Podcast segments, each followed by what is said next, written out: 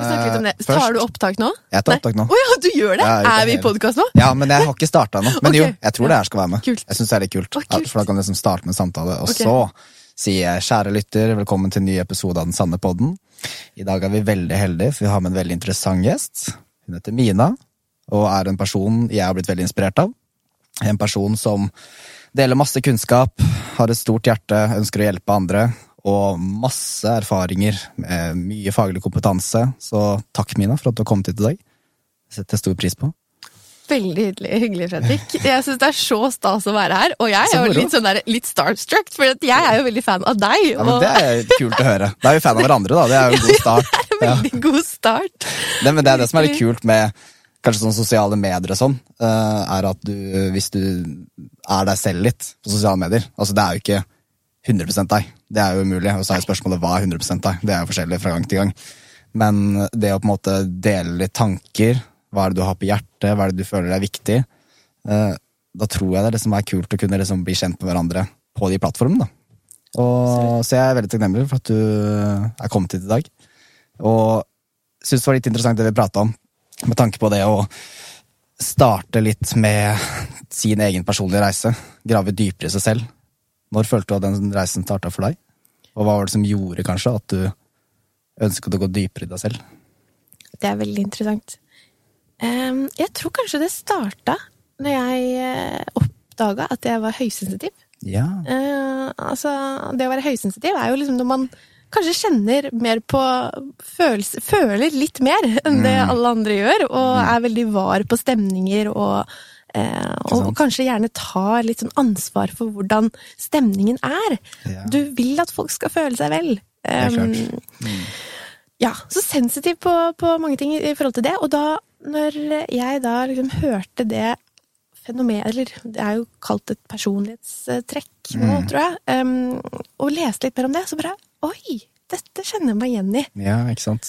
Og det var litt interessant. Eh, og da begynte jeg å bli liksom mer inter interessert i å liksom bare Ok, men hvem er jeg egentlig? Mm. Store er- spørsmålet. Ja, de store spørsmålene. Ja, ja.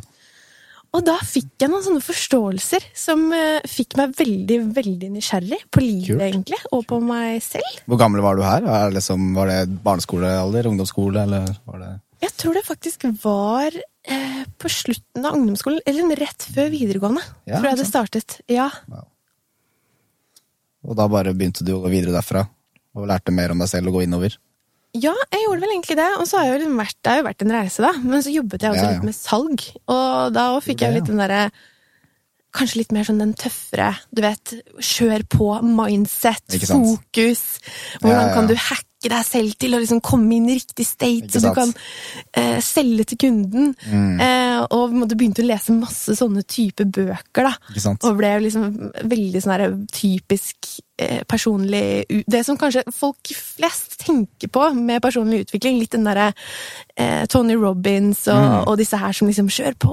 Ja, ja. Eh, Bertrand Larsen og de derre Han har jo endra veldig fokus, da, så det skal sies. Men Ja, ja, Så det var kanskje litt der det starta. Og så ja, gikk det på en måte derfra, og bare dypere og dypere, og ble mer og mer nysgjerrig. Og nå er det liksom bare en helt Nå er jeg på et helt annet sted, liksom. Ikke sant? Um, det er veldig kult, da. Det er veldig kult, og jeg, jeg føler at det er det som er kult med tanke på disse temaene. da. Selvutvikling, mindset, hva er dine frykter, hva er dine drømmer, hva er dine visjoner. Det er jo ingen fasit på det, fordi alle er jo ulike. Men jeg tror også vi, har, vi mennesker har veldig mye felles. da. At du kan liksom stille seg mye av de samme spørsmålene, og da er det kult å bli inspirert av hverandre. Um, for det er jo en, som vi snakka om litt tidligere før podkasten nå, det er jo det å Du har liksom dine første leveår hvor du egentlig bare observerer. Du, hva er det folk rundt deg gjør? Og så blir man på en måte Man blir en identitet som kanskje ikke du helt har skapt, for man blir jo veldig mye mer påvirka i yngre alder. Uh, henter ting fra andre filmer, og så kommer man til et punkt hvor man kanskje innser mer og mer at man har jo egentlig helt kontroll selv over hvem man ønsker å være. Eh, men det er nok en veldig sånn Jeg tror det for veldig mange, og inkludert meg selv òg, er en skummel vei å starte, fordi du finner jo også mye du ikke liker ved å gå i deg selv. Vi har jo så mange sider. Du finner tankemønstre du har, du finner liksom svakheter, styrker. Men det jeg føler ved å gå dypere i seg selv, er at du på en måte finner mer dine skikkelig gull indre krafter. Indre, indre krafter, faktisk. Indre krefter, som det heter på godt norsk. Og det syns jeg er kult. Og Jeg veit ikke, jeg bare syns det er interessant, fordi også når du er i samtale med andre, så har alle forskjellige perspektiver på hva som kan være gode teknikker og sånne ting, og det er jo ikke en fasit, men du jobber jo med mennesker. Du hjelper mange mennesker. Hva er det du føler, føler du er liksom noe fellestrekk av hva enkelte folk frykter, eller hva som på en måte er begrensningene til mennesker? Har du noen sånne har du noen erfaringer rundt det, og hva som på en måte kanskje går igjen litt? da? Ja. ja, for jeg, jeg tror egentlig det handler veldig mye om akkurat det du er inne på der. Det at vi tar med oss så mye, ikke sant. Veldig mye av det vi, vi frykter, det vi lærer, er jo, altså det er jo tillært. Det er gjerne de tankemønstrene ikke sant, som vi har med oss, som du kanskje har adoptert eller tatt med deg fra foreldrene dine, nære venner, Sans. familie, samfunnet, ikke minst. Ikke minst. Um, og så tar vi med oss det gjennom livet. Eh, og så er det som du sier, at vi har jo egentlig Vi er jo Vi er jo mennesker med egentlig alle muligheter innerst inne. Mm, Men så er det de der fryktene, de tankene, som, Mm. som begrenser oss. Som vi gjerne kanskje ikke er bevisste på. Helt klart. Og det er der, det er det jeg tror kanskje egentlig er en fellesnevner for egentlig de jeg coacher, de jeg hjelper, de jeg snakker med, Mm. er at eh, man, man lar seg så påvirke av det man tar med seg, det man bærer med seg. Em, og det fine er jo egentlig at ja, det må man kanskje det, det er ikke så lett å liksom bare ok, vi, vi, vi lar det være, vi, skuff, vi, feier det under en stol, holdt jeg på å si, eller hva man sier. Ja, det er noe sånt. Jeg skjønner hva du mener, i. Og så er det sånn at man Hvordan kan man utforske det litt, da? Mm. Eh, og hvordan kan man faktisk forstå tankene sine og følelsene sine? Mm. Og få en forståelse at det å være redd for noe, eller det å frykte noe, det i seg selv er ikke Det, det føles veldig ubehagelig. Mm. Men følelsen frykt er ikke nødvendigvis farlig. Helt klart. Og det er jo det du sier der med bevissthet òg. Det er vel kanskje den største tingen, i hvert fall for meg, da, og det jeg observerer med de rundt meg. At det å bevisstgjøre seg rundt ting. Det er jo da man får kontroll over seg selv, eller mer kontroll over seg selv. Fordi hvis du ikke er bevisst over noe, så er det umulig å gjøre noe med det. Så det er jo liksom det der å finne de teknikkene for å bevisstgjøre seg rundt enkelte ting, da. Kan jo være meditere, skrive. Det er så mange teknikker man kan bruke på det der. Um, så bevisstgjøring tror jeg er en stor ting. Jeg har egentlig ikke tenkt på det, men det er kanskje min erfaring også på det største fellestrekket. Først gjøre seg bevisst over hva du liker ved deg selv, hva du ikke liker ved deg selv, og så gå videre derfor, der, derifra. Og gjøre ting som er skummelt. Og det samme gjelder jo det der eh, med å gå ut for komfortsonen nå. Det er kanskje skummelt, det gjør litt vondt inni deg, men det gjelder jo trening òg. Hvis du skal komme i bedre fysisk form, så må du gå ut for komfortsonen. Må pushe deg litt ekstra, løpe og trene. Så det henger veldig sammen, da. Med det fysiske og det psykiske. Og Absolutt. jeg føler at um, Jeg føler at det kanskje henger sammen nå, at hvis man uh, Hvis man gjør ting som er bra for din fysiske kropp, med trening og sånne ting, så vil det også endre mindsetet ditt. Um, jeg begynte på kampsport for noen uker siden for å bare teste nye ting. Oi, Og det jeg har lært, som jeg ikke har tenkt på før, er den sammenligningen mellom å være fleksibel i mindsettet og fleksibel på kroppen. Så ved å tøye ut Hvordan det fungerer, vet jeg ikke, men jeg syns det er interessant. Det at hvis du tøyer ut og blir fleksibel og myk, så vil du automatisk også bli mykere i mindsettet. Oi! Jeg føler det gir litt mening, for jeg Ja. føler det henger sammen. Men hvordan det på en måte, hva som skjer i hjernen din når du tøyer ut, det vet jeg ikke. Men det er jo liksom Ja, det å bare liksom presse seg selv, da, for vi har så mye mer potensial enn det vi ofte tror. Ja, Vi har ufattelig mye potensial, vi har det. og, men da må man prøve nye ting for å finne de nye sidene. Hva er det du har gjort da for å møte dine frykter? Er, har du hatt noen frykter som du har liksom, i tidligere alder som du bare måtte trosse? Og hva Ja. har du lært av det? Mange. Eh, Jeg må bare si, å, det er spot on det du sier der. Jeg syns det er så kult. Eh, Kult. Og kult Takk. med kampsport. Ja, det er moro, det. Åh, Jeg er skikkelig noob, da, men det er moro å bare Ja. hoppe inn og ikke ha peiling. Jeg, I starten er sånne ting skummelt, å gjøre ting du ikke kan, fordi er liksom, hva, de andre tenker sikkert at jeg er en noob, men samme det, liksom. Det, det har jo ikke noe å si. Det Så lenge du kan utvikle deg og lære, så er jo det Helt enig. Altså, jeg husker ikke Jo, jo, jeg har flere ting, egentlig. Men jo, for det er akkurat det der jeg også har erfart. At det, det, man må bare drite seg ut litt. Ja. Man må bare tørre å gjøre det, fordi Altså, det er så mye man kan gå glipp av i livet hvis man ikke Det det. tør det. Og kanskje en av de største tingene for meg, da, var jo dette um, Den historien har jeg fortalt eh, dem eh, før, Fredrik. Men når jeg eh, Jeg elsker å reise. Ja. Og um, når jeg studerte, så var jeg sånn Jeg har så lyst til å bo å flytte til et annet land og lære meg engelsk. Jeg var så dårlig i engelsk. Altså, Mm. Det var det, det var krisedårlig i engelsk. Og nå må jeg snakke engelsk hver dag med kjæresten min. Ja. Stakkars meg. Så nå, stakkars deg, stakkars meg. Blir du god, da? Ja. Ja, jeg blir, jeg blir jo for så vidt god, det er det. Men jeg syns det var så skummelt, liksom. Og Mm. jeg bare Men vet du hva? Jeg skal ikke la det stoppe meg fra å reise. Fordi det er det jeg har lyst til i livet. Mm. Jeg har lyst til å reise, jeg har lyst til å utforske verden, jeg har lyst til å møte nye mennesker. Mm. Og det, det ble så viktig for meg, og jeg var så redd. Jeg var livredd. Mm. Men jeg, jeg skulle ikke la det stoppe meg. For du reiste til Australia, gjorde du ikke det? Ja, jeg reiste til Australia Ja. på, på utveksling, da, et halvår. Uten å kunne engelsk så godt. Kunne ikke engelsk. Nei, eh, eller jo, jeg kunne jo litt, men Kunne altså basic, men det var liksom Det var ikke lett å kommunisere, liksom. Det var ikke lett å kommunisere. Kult at du bare hoppa i det, da. Bare, jeg har lyst til det. Kjør på, så kommer det andre litt automatisk. Ja, og det var det. Altså, og det halvåret der, det var dødstøft. Altså, det var jo sånn på, I forelesningene der var det sånn du måtte sitte i grupper, og de, du kunne bare Mina, ok, opp på gulvet her. Du må holde en presentasjon om dette her. Og det var sånn klimaendringer Kult. og noe sånn globalisering og sånn som jeg egentlig ikke kunne så mye om den gangen der. Og bare Mina, bare ok, du må, hva har du lest i dag? Du må holde en presentasjon på spontant. Og jeg bare Wow. Det var dødsskummelt. Jeg var så redd godt. at jeg ofte gråt når jeg kom hjem, liksom. Ja, ja. Men fy søren for en erfaring, og, og jeg er så glad for at jeg, jeg gjorde det. Fordi at det Mm. kom jo så utrolig mye godt ut av det. Det gjør jo det, ikke sant. Ikke sant? Ofte så føler jeg det kommer veldig mye godt ut av å utforske nye sider. Og jeg føler der også henger ting sammen, hvis du øh, frykter å prate høyt foran andre, da. Som er en veldig kjent frykt.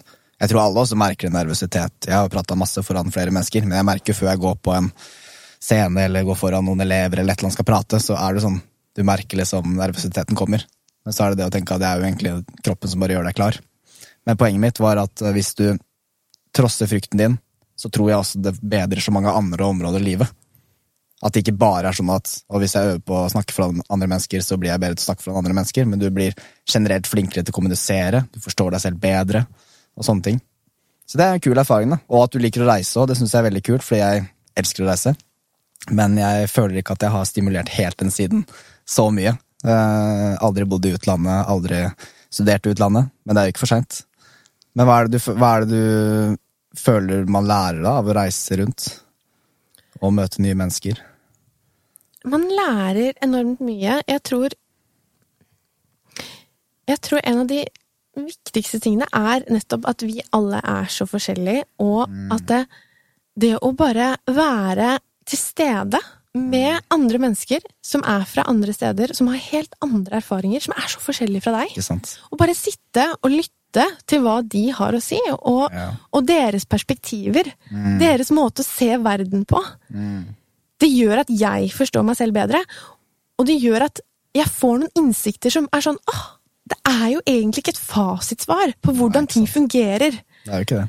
Og det er ikke sånn at jeg Altså, ja, jeg kan gjøre det jeg er glad i, og jeg er denne personen her, men det, det er ikke noe sånn at jeg er bedre eller dårlig Altså, vi er, er alle ikke, vi alle vært like mye. Ja, vi er alle verdt like mye. Det føler jeg er viktig å få med seg. Det, Veldig.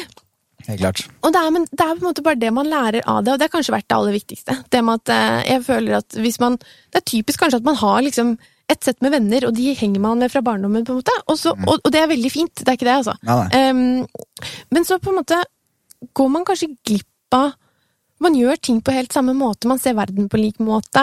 Em, man, man stemmer på samme parti. Man, Mm. Ja, jeg skjønner. Du gjør det samme. det en måte, det blir uten uten å faktisk stille spørsmål rundt hvorfor er det du egentlig gjør det? Hva er grunnen til at du gjør sånn? Hva er grunnen til at du har den, den vanen? Hva er grunnen til at du egentlig stemmer det partiet? Altså, og så begynner man å hm, hva er meningen med livet? Altså, Ja, ikke sant? det tar det veldig langt, da, men Nei, nei, herregud, jeg digger det. Ja. Og jeg, jeg tror, tror det er så viktig å stille seg de spørsmålene. Men jeg tror også det er en frykt hos mange, for at jeg, tror ikke, jeg tror det er mange som ikke ønsker å gå like dypt.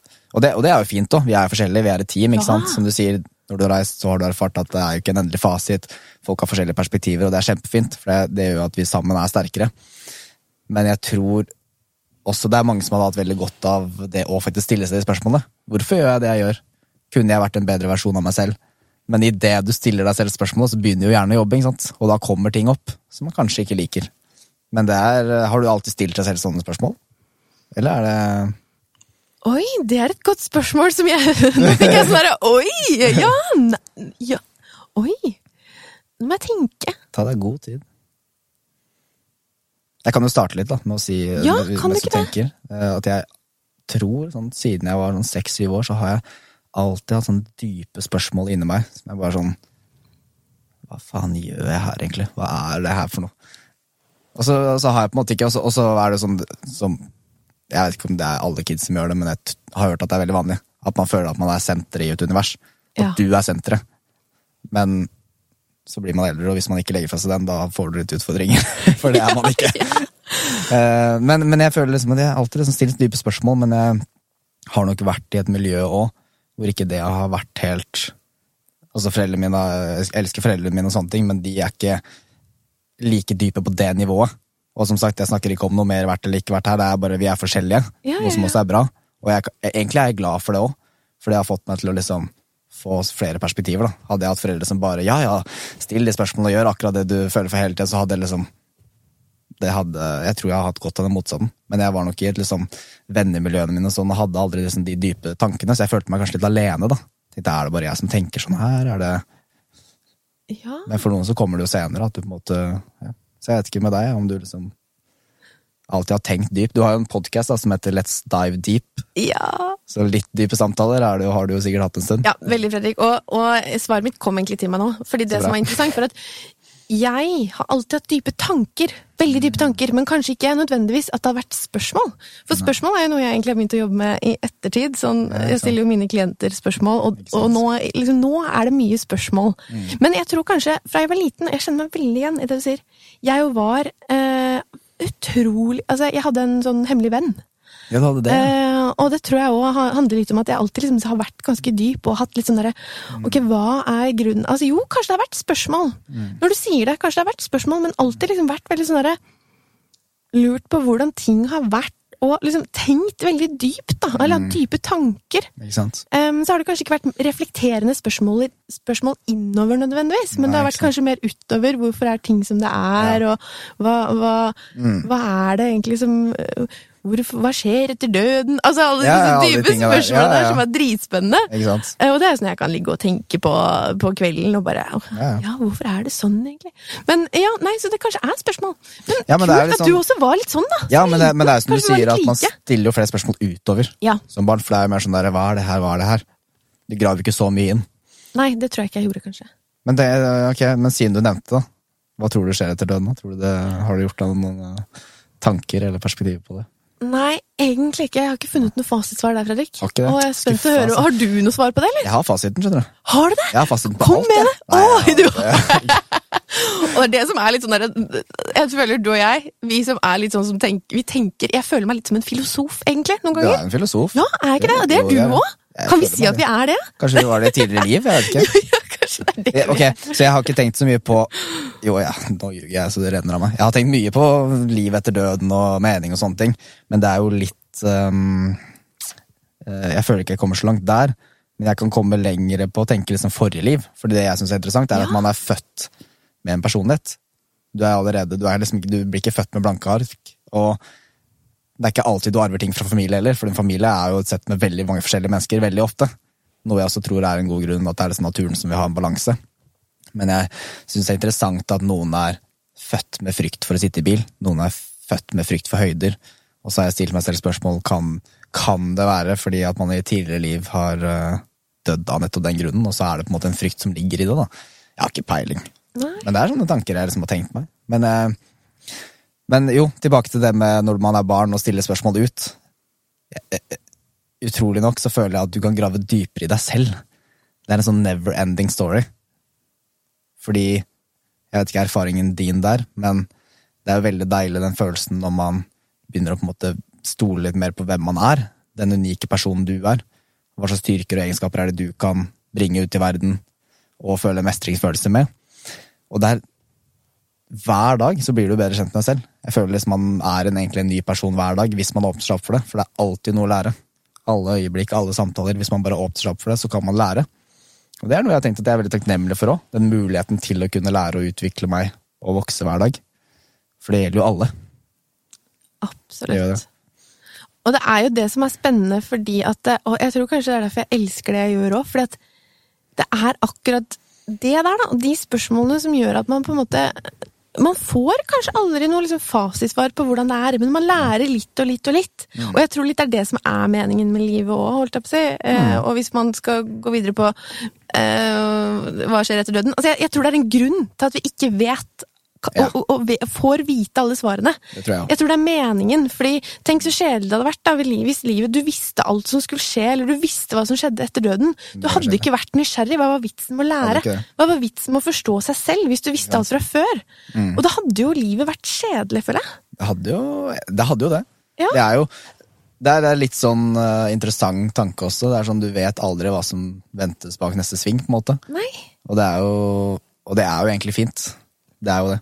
Men jeg tror det Det jeg observerer, da, med flere, og inkludert meg selv tidligere, var at jeg eh, ikke helt innså hvor mye kraft jeg har til å velge min hverdag. Fordi det er så normalt i dag å tenke at nei, men det er det her som er normalt. Det er det her som man skal gjøre. Men det at man kan Fordi jo mer du endrer deg selv innvendig, jo mer vil verden din endre seg automatisk. Det er jo litt sånn klisjé, da. Start with a man in the mirror, eller start, eh, start med deg selv, liksom. Se deg selv i speilet. Men det ligger jo veldig mye i det. For hvis du endrer tankesettet ditt, så vil du automatisk tiltrekke deg nye muligheter, andre mennesker. Fokuserer du på liksom, takknemlighet og sånne ting, så vil du kanskje se mer av det du er takknemlig for. Hvis du bare fokuserer på hva som er feil rundt deg hele tida, så vil du se mer feil. Og det betyr, dette har jeg sagt tusen ganger før, men det betyr ikke at hvis du tenker positivt, så er alt positivt, for det er en balanse. Men det er jo veldig mye i det. At det du fokuserer på, ser du mer av. 110 Mm. Fredrik. Men hva følte du Når var det det liksom Følte du at du fikk den innsikten der, og forsto det? Ble bevisst det? Har det vært tydelig for deg når det skjedde? Eller liksom, hva, hva gjorde at du liksom fikk den innsikten der? Eh, med tanke på fokus og se mer av Ja. Og at du kan på en måte forme litt Det som skjer innvendig, da. Mm. Det speiler på en måte det utvendige, og at du faktisk har muligheten til å påvirke det. Det kom egentlig litt av Jeg, jeg følte jeg liksom starta litt seint med selvutvikling. Altså ikke hva skal man i forhold til hva, liksom. Eh, det var vel når jeg var 20, 21, 22.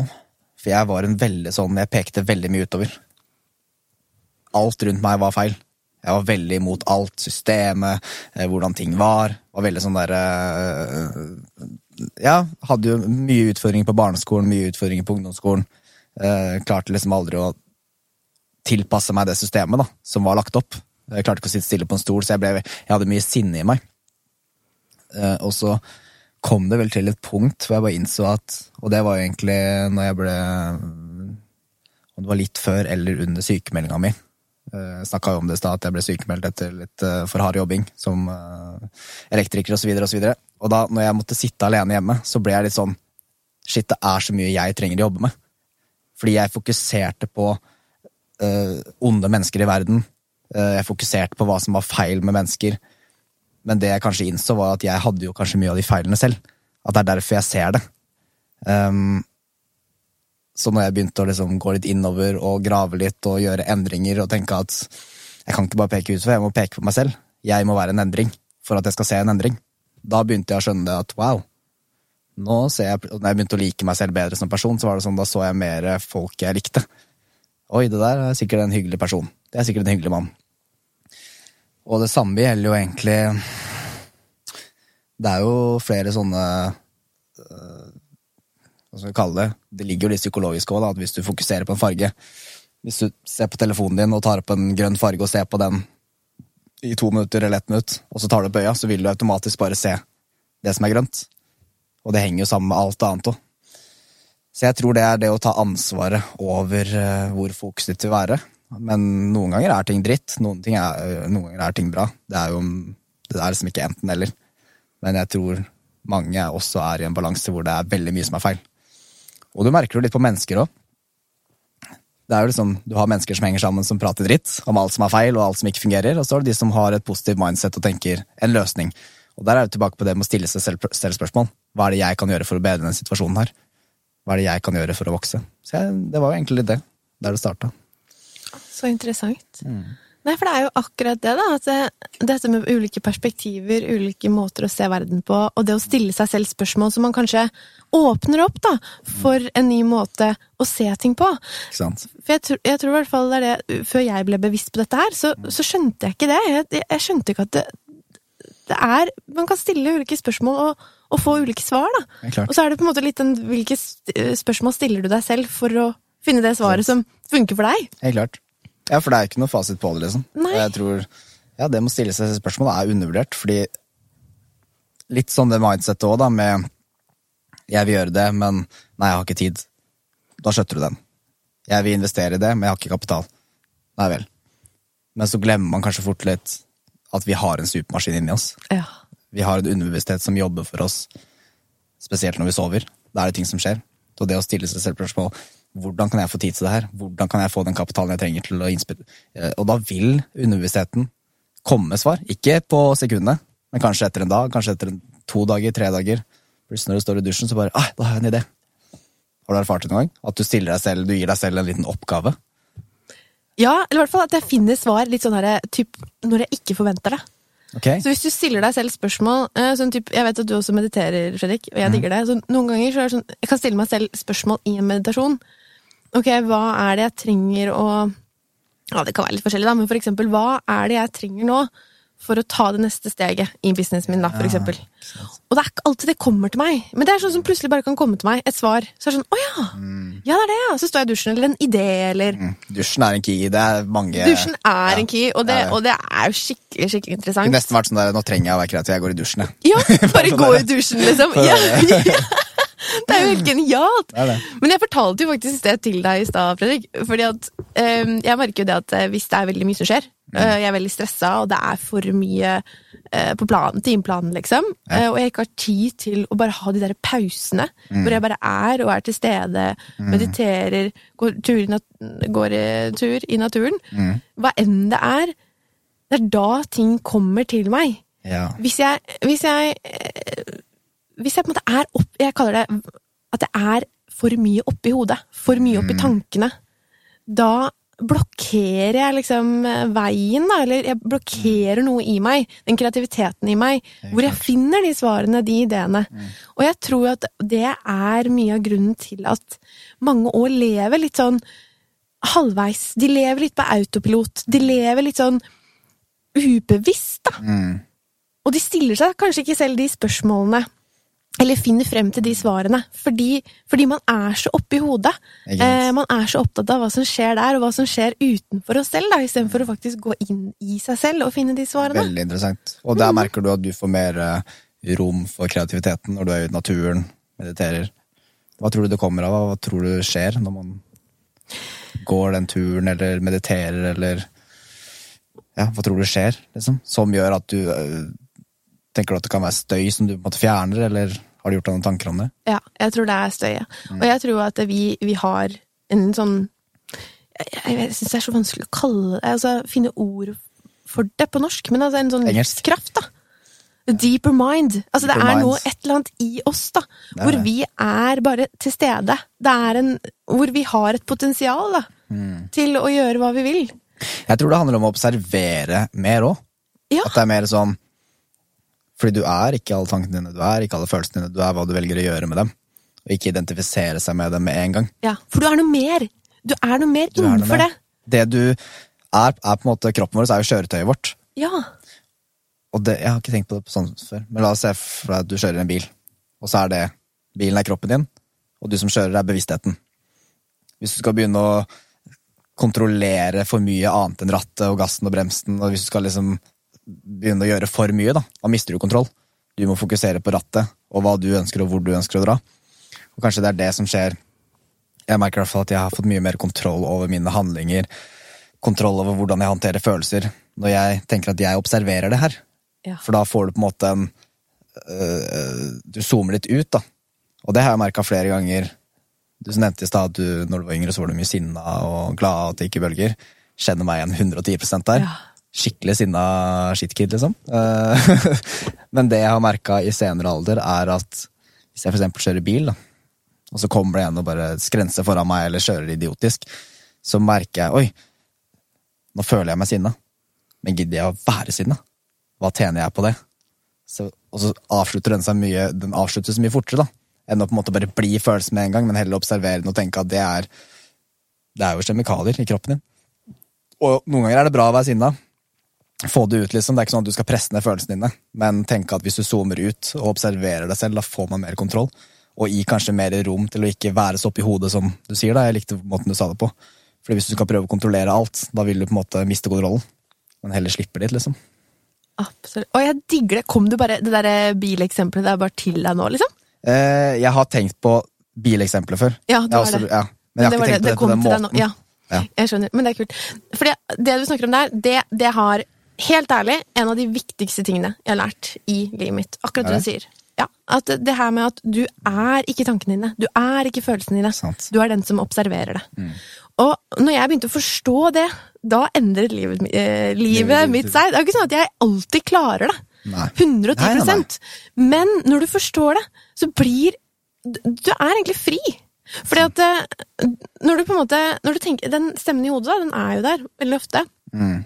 Men den, den er jo Den snakker nødvendigvis ikke sant, da. Det er ikke, Ja, det er ikke ikke ren fakta. Det ikke Og det. det er så utrolig befriende, da. Mm. Når, du, når du ser det. Og at du er noe mer innunder det, da. Helt klart. Og når du kan connecte mer til det, da tror jeg du får tilgang på utrolig mye. Ideer, et potensial da, som ligger i deg. Ja, for du lar kanskje tankene mer gå, for det er jo litt det med å observere tanker òg. Jeg vet ikke om du merker det med når du mediterer eller sånne ting, men at jo mer du mediterer, jo mer klarer du på en måte å bare se på tanken, og ikke ta den videre. Ja. Og da Det er litt som å slippe, da. Du, du slipper det, og lar det på en måte bare passere. Og da vil du på en måte få en større momentum, du får mer kontroll over hva du velger å plukke opp. Hvis jeg tenker på åh, det jeg sa i går, altså, var kanskje litt dumt. Ja, ok, jeg tenkte på det, men det har ikke noe å si nå. Eller at det er sånn, å, det jeg sa i går var dumt. Fader, hva skulle jeg sagt annerledes da? Og plutselig har det gått fem minutter, så har du tenkt på en dialog som ikke er i virkeligheten engang. I hvert fall ikke den virkeligheten vi lever i, da. Og det tror jeg er en superkraft, å på en måte bli flinkere på det. En gang, kanskje to, så har jeg opplevd det at jeg har tatt tanken før den kommer til meg. At jeg liksom har sittet i helt stillhet. Det er ikke så ofte jeg opplever det, for jeg har jo en skikkelig ADHD-hjerne. Det er jo fullt kjør hele tida. Ti tanker på en gang og ja, et eller annet. Men så merka jeg at nå, oi, nå er det helt stille. Og da kom jeg en sånn derre Det bare er en sånn euforisk følelse. Når du bare er helt stille. Hvor du bare egentlig kan velge retning. Så, sånn, nei, så merker jeg liksom at det kommer noe. Ok, hva er den tanken? La oss se hva det er. Å, det handler om det? Nei, det gidder jeg ikke da. Så jeg, jeg tok ikke tak i den engang. Det var en veldig rar opplevelse, og det er etter Jeg tror jeg hadde meditert i tre-fire år før det skjedde, liksom. Så kult! Ja. Åh, og jeg, jeg digger det. Jeg digger det. Jeg får, sånne, jeg får nesten litt sånn frysninger av å bare sitte og snakke om det her nå. For Ja. det er sånn det, her- det er så interessant. Og, men så kult. Jeg har jo hatt noen sånne litt lignende erfaringer. Kanskje ikke helt på samme måte. Nei. Men at du bare ser at det, det kommer, og så må du bare liksom tenke at ok, den kan, jeg bare få, den kan få lov å bare flyte videre. Jeg trenger ikke å liksom ta den inn Mhm. Og begynne å liksom eh, analysere og For mye, nei. Ja. Ja, det å stille seg selv spørsmål, da, er dette en tanke som er verdt for meg å tenke mer på, eller er det ikke det? ja. Det, er, det glemmer jeg for ofte, det må jeg huske mer på. Samme her. Og det, og det er det som er Jeg tror det er viktig å bare si til alle der at det, det er ikke sånn at jeg tror, jeg tror ikke med deg eller Fredrik at vi alltid klarer det der. Og liksom, Nei, nei, nei, noen det, ganger så henger man seg opp i noen tankemønstre, og så er man der litt for lenge. Men jeg tror veldig mange gjør det hele tiden, da. Eh, og det handler om å være bevisst. ikke sant? Når du da på en måte kan være bevisst, den bevisstheten igjen som vi snakket om i stad, den er gull, det, det er key, liksom. Ja, altså jeg, jeg, mange ganger jeg mediterer hvor jeg ikke klarer å få det stille i det hele tatt. Ja. Jeg tror det er en veldig viktig ting å få med seg òg, fordi det er noe jeg hører ofte, og noe jeg tenkte mye selv også, var Nei, jeg klarer ikke å meditere, for jeg begynner alltid å tenke på ting. Men ja, det er meninga. Fordi du begynner å tenke på noe ting, og så tar du deg selv i det. Nei, nå trekker jeg tilbake til pusten. Da er det som en pushup for hjernen din. Ja. For hver gang du gjør det, så er det en pushup for hjernen din. Du blir sterkere og sterkere til å detektere tankemønsteret og ta deg selv ut av det. For jeg, jeg vet ikke med deg, men jeg opplever ofte at jeg kan gå, og så tenker jeg på ting, og så er det sånn Så er jeg plutselig ikke bevisst. Plutselig er det sånn Oi, shit! Jeg har tenkt på det her i fem minutter uten å egentlig være bevisst over det. Ja. Det skjer ofte med meg, altså. Og det tror jeg er veldig vanlig. Mm. Eh, Og jeg tror folk lever sånn hele tiden, at man ikke er bevisste, da. Eh, Og, og det er liksom noe jeg har tenkt litt på i siste. Jeg sa det vel kanskje litt i stad, men det med at jeg tror veldig mange lever egentlig istedenfor å være til stede da, i øyeblikket og være i kroppen sin, så tror jeg de lever på en sånn slags autopilot gjennom den tankestrømmen hele tiden da, om hva jeg skal gjøre. De tenker enten fremover eller bakover i tid, istedenfor å faktisk connecte eh, og være til stede da, i øyeblikket. Eh, og jeg tror akkurat det med tilstedeværelse har vært veldig viktig for meg for å faktisk forstå tankene mine bedre og observere mer. da. Og det handler jo med, altså, i forhold til meditasjon, uansett hvordan du praktiserer tilstedeværelse. Men at det er viktig, da.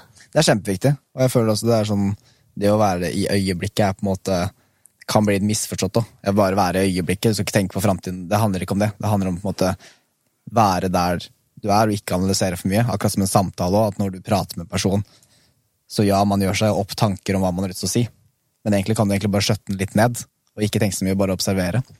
Men når, nevner, når vi er inne på den meditasjonen, sånn, har du hatt noen åpenbar, Ikke åpenbaringer, men har du hatt noen liksom sånne der, eh, opplevelser under en meditasjon? Og hvor lenge pleier du å meditere når du gjør det? Helt ærlig, det har vært veldig sånn forskjellig noen perioder som jeg har eh, vært flink på å liksom, meditere over lengre perioder. Jeg har ikke vært en sånn person som har meditert liksom, i timevis, men Nei. det lengste kanskje sånn mellom 20 og 30 minutter. Ja. Og da føler jeg at jeg liksom kommer ganske dypt. Mm. Um, På men det hvilken måte da? at jeg At jeg, jeg finner stillheten. Ja. Det er liksom Jeg, jeg, jeg når helt den stillheten. Mm. Og hvor jeg evner å på en måte kan stille meg selv noen dype spørsmål og få noen sånne innsikter. Ikke sant? Og det, det, det er kanskje det, jeg, jeg liksom har ikke én sånn opplevelse som er sånn wow, jeg skulle ønske at jeg hadde det. For det er sånn, du vet, man får litt sånn der åh, skulle ønske jeg var som Buddha eller en eller annen Ja, sånn eh, zen-person som bare har sånne syke opplevelser med, Ja. med meditasjon. Og det har jeg aldri hatt. Men det er, for meg har det vært litt sånn litt og litt. Ikke sant? Eh, det er ikke noe fasit på det, eller hvordan du skal meditere. Nei, det er ikke det. Du finner din uh, perfekte tid, eller du finner din måte å gjøre det på. Jeg, jeg tror også strikking er en form for meditasjon. Det å gå tur uten distraksjoner er meditasjon. Uh, Så det er på en måte man finner sin greie ved det. da. Og jeg, har jeg, jeg har ikke hatt noen sånn syke opplevelser. Jeg har ikke fått liksom, Men jeg, jeg får ofte opp en del farger. Jeg kan begynne å liksom se Ja. bilder. Og det er jo noe, Jeg vet ikke om du opplever det når du har lukka øynene før du skal legge deg, eller et eller annet, at man både ser mønstre og sånne ting. ja. Og jo dypere jeg har vært i meditasjon, hvor tydeligere har de bildene blitt. Så har det liksom kommet farger og mønstre, og så er det på en måte sånn Plutselig er jeg jo i en sånn annen verden. Og det er veldig rart. Det er kult, da. Og så lurer jeg på hva man ser. Er det liksom Du ser jo innover, men Ja, det er bare veldig interessant. Og så tror jeg ikke man kan Sånne gode Jeg har følt sånne der euforiske følelser noen ganger. Etter liksom min, liksom min perfekte tid da, for meg er 30 minutter. Da føler jeg at jeg, jeg bruker det første kvarteret cirka, på å bare rense litt. Og så har jeg et kvarter hvor jeg bare kan nyte stillheten. Så har det plutselig bare kommet sånn åh, lettelse, følelse, skikkelig lettende følelse. Men jeg tror hvis du jager den følelsen, da vil det ikke komme. Det skal på en måte komme litt naturlig. Så, jeg- men mye endra seg for meg da jeg begynte å meditere. Ja. Når var det du starta med det? Er det lenge siden? Fire år siden. Du har holdt på med det i fire år? Mm. Åh, det er veldig kult. Nei, fordi at eh, Ja, det, det kan komme på mange måter, men, eh, men for meg også er det den derre eh, Det kan være de derre små øyeblikkene hvor du bare connecter, og du For eksempel hvis du er i naturen, eller det kan egentlig skje når som helst, hvor du bare kjenner en sånn derre enorm følelse i deg, som Ja. er så sterk. Som ikke kan forklare med ord Nei, heller. det som bare er sånn sånn- derre Oi, her er det et eller annet, liksom. Som bare Nå er jeg bare Jeg er bare her. Jeg Mm. eh, kjenner på jeg, jeg, jeg kan ikke forklare det, Fredrik. Kjærlighet, kanskje? Kanskje man, det er det man føler? Ja, ja kanskje det er det det er. Hva, for hva er det egentlig? Men kanskje det er kjærlighet? Kanskje det er det, for kjærlighet er jo flere ting. Ja. kan jo ha kjærlighet for mat, du kan ha kjærlighet til person, men også kjenne den derre kjærligheten. Ja. At du føler deg hel, da. Du føler deg hel. det mm, Og litt sånn i ett med alt, på en måte. Eller det er litt det jeg Ja. føler på, i hvert fall. I ett med alt. Men det er en slags kjærlighet, da. Kjærlighet til alt. Men Det er det. Å, I ett, det- men, men der sier du ord, egentlig. I ett på alt, for det er det jeg føler skjer med meg. Jeg som bor i Oslo, trenger å liksom komme meg til skogen iblant. Og det er Ja. det jeg merker, da. Da merker jeg meg connecta. ja. Mens når jeg er i byen og så hyggelig å være ute i parker og sånn. Jeg elsker å liksom se mennesker kose seg, det er veldig hyggelig. Men jeg føler meg kanskje mer disconnected i det enn når jeg går i skogen alene. Jeg føler De gangene jeg har følt meg mest hel, er kanskje alene. Samme her. Kommer i en eh, god, god følelse. Og det, og det tror jeg er viktig. da. Det å føle seg det å også kunne være komfortabel med å være alene. For det, det er så viktig. Altså, vi er forskjellige. Noen henter energi ved å være sosial, noen henter energi ved å være alene. Men jeg tror at uansett hvem du er, så burde man trene litt på å være alene. For hvis man aldri er det, og du først er alene, da er det mye som kommer. For da begynner jo ting å prosessere, og du må deale med ting og sånne ting. Men det å Jeg tror det er en superkraft å kunne være alene og kose seg med det. For da får du et mye større spillerom til hva, hva du kan gjøre med det, livet ditt, hvordan du vil velge å gå veien. Absolutt. Liker du å være alene? Ja, det er veldig interessant at du går inn på det temaet der, Fredrik. Fordi at Så bra. eh, jeg tror det at for meg eh, var, har det i hvert fall vært en veldig viktig innsikt. Mm. Fordi at eh, jeg var en person som hata å være alene. Ja. Jeg takla det ikke.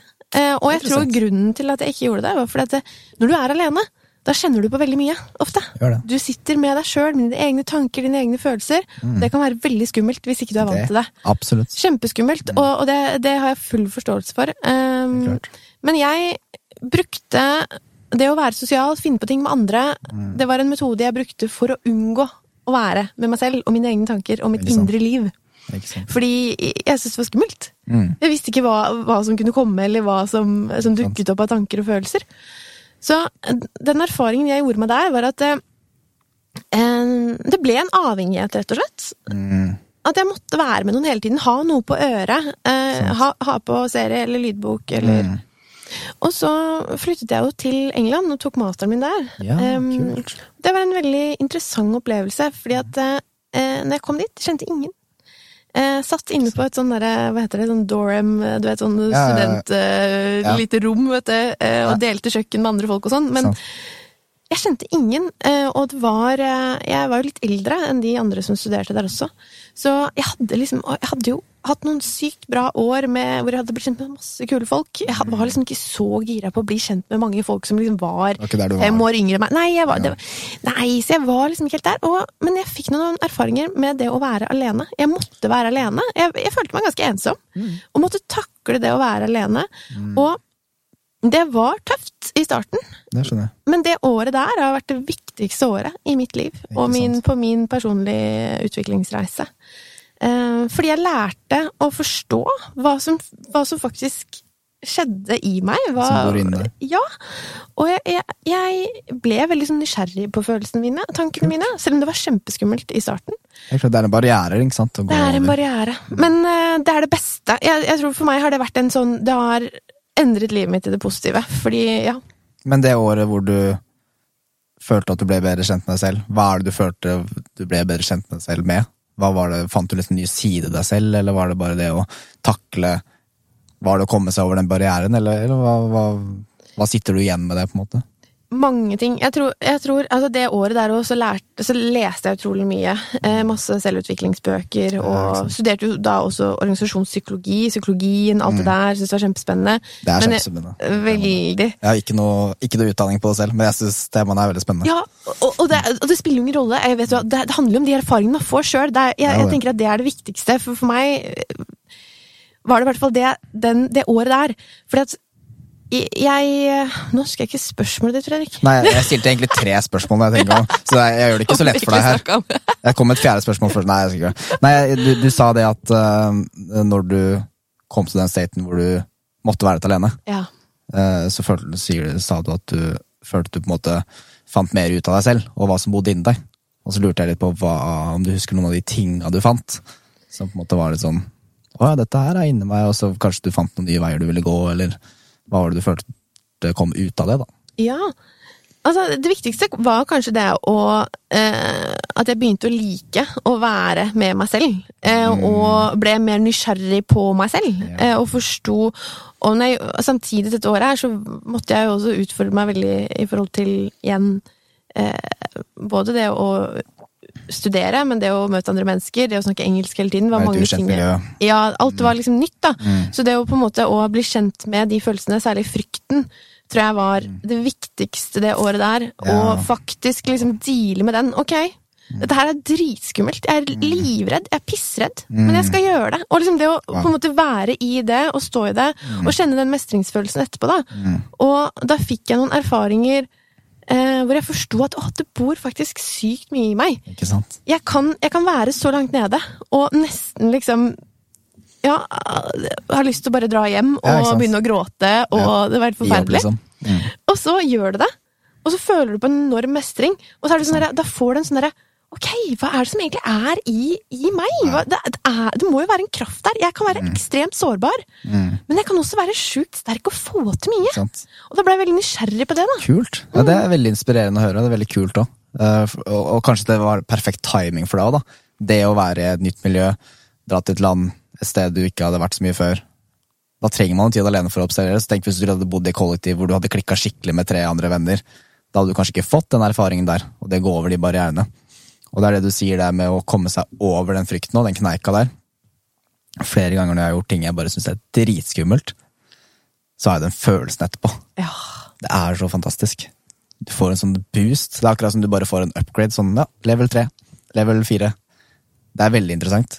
Og det, og det samme gjelder jo Kanskje du ikke føler for å løpe en dag, men hvis du tar deg en løpetur Du angrer aldri etterpå, med mindre du har brukket bein eller noe da, og skader deg på turen. Det, da er det lov å angre, men det å jeg, jeg tror det er vanskelig, eller nesten umulig, å angre på å gå ut for konfirmasjonen. I hvert fall når det handler om sånne ting. da, Det å gå inn i seg selv, det å teste grenser. Sånne ting. Jeg merker jeg har lyst til å reise når jeg hører at du liksom For jeg, jeg har merka det ved å bare være ute i et rundt, nytt miljø. Det gir deg så mye innsikter om deg selv og verden rundt. Fordi folk tenker forskjellig i forskjellige kulturer, og det er superinteressant. Absolutt. Og folk er så forskjellige. Det er sånn Når jeg erfarte at jeg var, eh, var feira nyttårsaften i Thailand for tre-fire år siden med familien min. Og det å være der nede og liksom For det er jo en annen ting, da. Når du reiser, så tror jeg det er gull å liksom bruke den tida også til å prate litt med folk som bor der. Ja. Og, ikke, og, og det er for meg en del av reisen. Jeg vil ikke reise et sted uten å kommunisere med andre. Så jeg må bare lære meg litt flere språk, så kommer det seg. Men eh, da føler jeg at du på en måte Jeg syns det er interessant det at i Thailand så fikk jeg en mye eh, Jeg følte at det var mye mer vennlighet, mer åpenhet. Mens i Norge er det ofte litt mer sånn Folk er litt mer innelukka. Ikke alle, det er ikke svart-hvitt. Men generelt sett da, så får jeg den oppfattelsen. Har du tenkt på det noen gang? At det er liksom Ja, hvordan tror, følte du det var i London? ja, jeg tror nok det er litt sånn. Eh, og ja, i London var det kanskje annerledes, men, men eh, jeg tror kanskje den erfaringen jeg har fått, er kanskje enda tydeligere fordi På grunn av kjæresten min, Chris, da, som er fra England. Og vi har på en måte Det å bo Ja, i et sant. annet land Men Ble du sammen med han fort etter du flytta dit? Eller Ja, hvordan det var på slutten av dette masteroppholdet. Ikke Så ja, oh, Oi! Nå mista Ja, nå skjedde et eller annet her. Skjedde et eller annet? Det gjorde det. Det går fint. Det var ikke mobilen min. ja, mobilen, det går bra. Det går bra. Jeg lover. Sorry hvis jeg sølte litt i det kule podkaststudioet ditt, ja, Fredrik. Og så er det ikke mitt heller, vet du. De som ser på eller lytter, det er jo For det er egentlig ikke lov å drikke i studio, men det er mitt ansvar. da. Så det er, Ok, da skylder vi på deg. Men det var, jeg lover, det var ikke Det var bare mobilen min som falt ned. Ja. Jeg sørger for at læreren min ikke hører på podkasten min. Shit, nå kommer jeg til å høre det. vet du. Det er, det er morsomt. Ikke bra, ikke bra. Ja, jo, men eh, jo, det du Så du, du tok master der, var det da to siste år du tok i London, da? Eller Nei, var det, jeg tok bare ett år. Det var ett Ja, helt år, da. Sånn intensiv master. Så det var ganske heftig, men det gikk fint. Det tror jeg på. I hvert fall, ja, jo, jeg var Herregud, lang historie kort. Men jeg var jo litt ensom, da, vet du. Så jeg måtte jo bli litt mer kjent med folk etter hvert. Jeg kunne ikke bare sitte alene, liksom. Det hadde vært veldig kjedelig. Ja, det er balanse alt. Så, ja. Ja. Nei, så da var jeg sånn, ja, for uh, teste ut Tinder, da. Ja, ikke sant? Så da var jeg der litt, og fikk Jeg ble kjent med så mye folk. Ikke, Du gjorde det? og, og jeg Intensjonen var, jeg lover, jeg lover, Fredrik, det var kun faktisk fordi jeg hadde lyst til å bli kjent med folk. Særlig. Ja, ja, litt. Du vet, engelskmenn er jo sier. ganske kjekke og da Ja. Eller i hvert fall Nei, jo, eller nei! Nei. Jeg tulla litt med venninnen min jeg dro. Bare sånn, ja, ja, du kommer sikkert til å ende opp med sånn engelsk sånn Ed Sheeran-fyr. Ikke sant? Sånn der skikkelig engelskmann. Ja. Og jeg bare ha-ha, særlig. Men så skjedde jo det, da. Så skjedde det. Ja. Det skjedde, det skjedde. det skjedde. Ja. Men eh, nei, hva var poenget? Jo! jo. Hvor, jo, så det, er egentlig når, når jeg da øh, på en måte ble Jeg og Chris og vi, eller, Nei, herregud, nå snakker jeg rundt meg sjøl. Det går helt fint. Men det starter i hvert fall det med liksom det å være, altså, føle på ensomheten. At du måtte ut og liksom treffe noen mennesker. ja, nei, i hvert fall poenget var vel det å se Norge på en måte utenfra, på et vis, da. Og det å forstå litt sånn Oi, hvorfor er vi nordmenn nordmenn er litt annerledes, og hva gjør at vi er annerledes enn engelskmenn? Og så jeg og Chris, vi, han også driver med mye av det samme som det vi gjør, eh, Fredrik, så, så han er ganske dyp, han òg. Mm. Så, så vi snakker om dype ting. Skal jeg invitere han en dag, ja. så kan Ja. vi prate om det. Han har egen podkast, du må gjøre det. Ja, det er kult. Ja. Så skal jeg invitere Ed Sheeran eh, senere. Det hadde vært veldig fett! Jeg skal invitere han. Jeg bare vært- må vente litt. Du må bare, ja, du må bare gå ut av komfortsonen litt til, og så Det det, ja. ja. Nei, men det å observere, ja, ikke sant. Observere også Norge fra ut fra med, tan med tanke på andre syn på Norge, da. eh, Som bor der, eller tenkte du generelt at du fikk avstand og kunne se på det på en annen måte fordi du så England på den måten du så Ja, egentlig det å se nordmenn, nordmenn i forhold til at vi er ganske lukka som personer. Mm. Um, og eh, at vi nordmenn nå har jo noen normer, noen måter å være på, noen, noen. Ganske mange regler, egentlig. Mm. Em, det var kanskje noe av det viktigste vi så eh, og erfarte.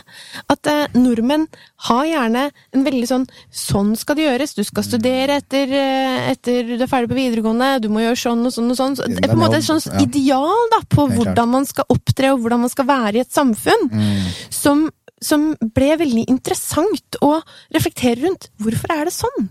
Og er det nødvendigvis riktig, Fasiten. eller fasiten? Interessante spørsmål. Ja. Ja, for det er jo det å stille seg spørsmål hvorfor er den kulturen som den er. ja. Hva, for det er jo åpenbart handler det jo mye om påvirkning.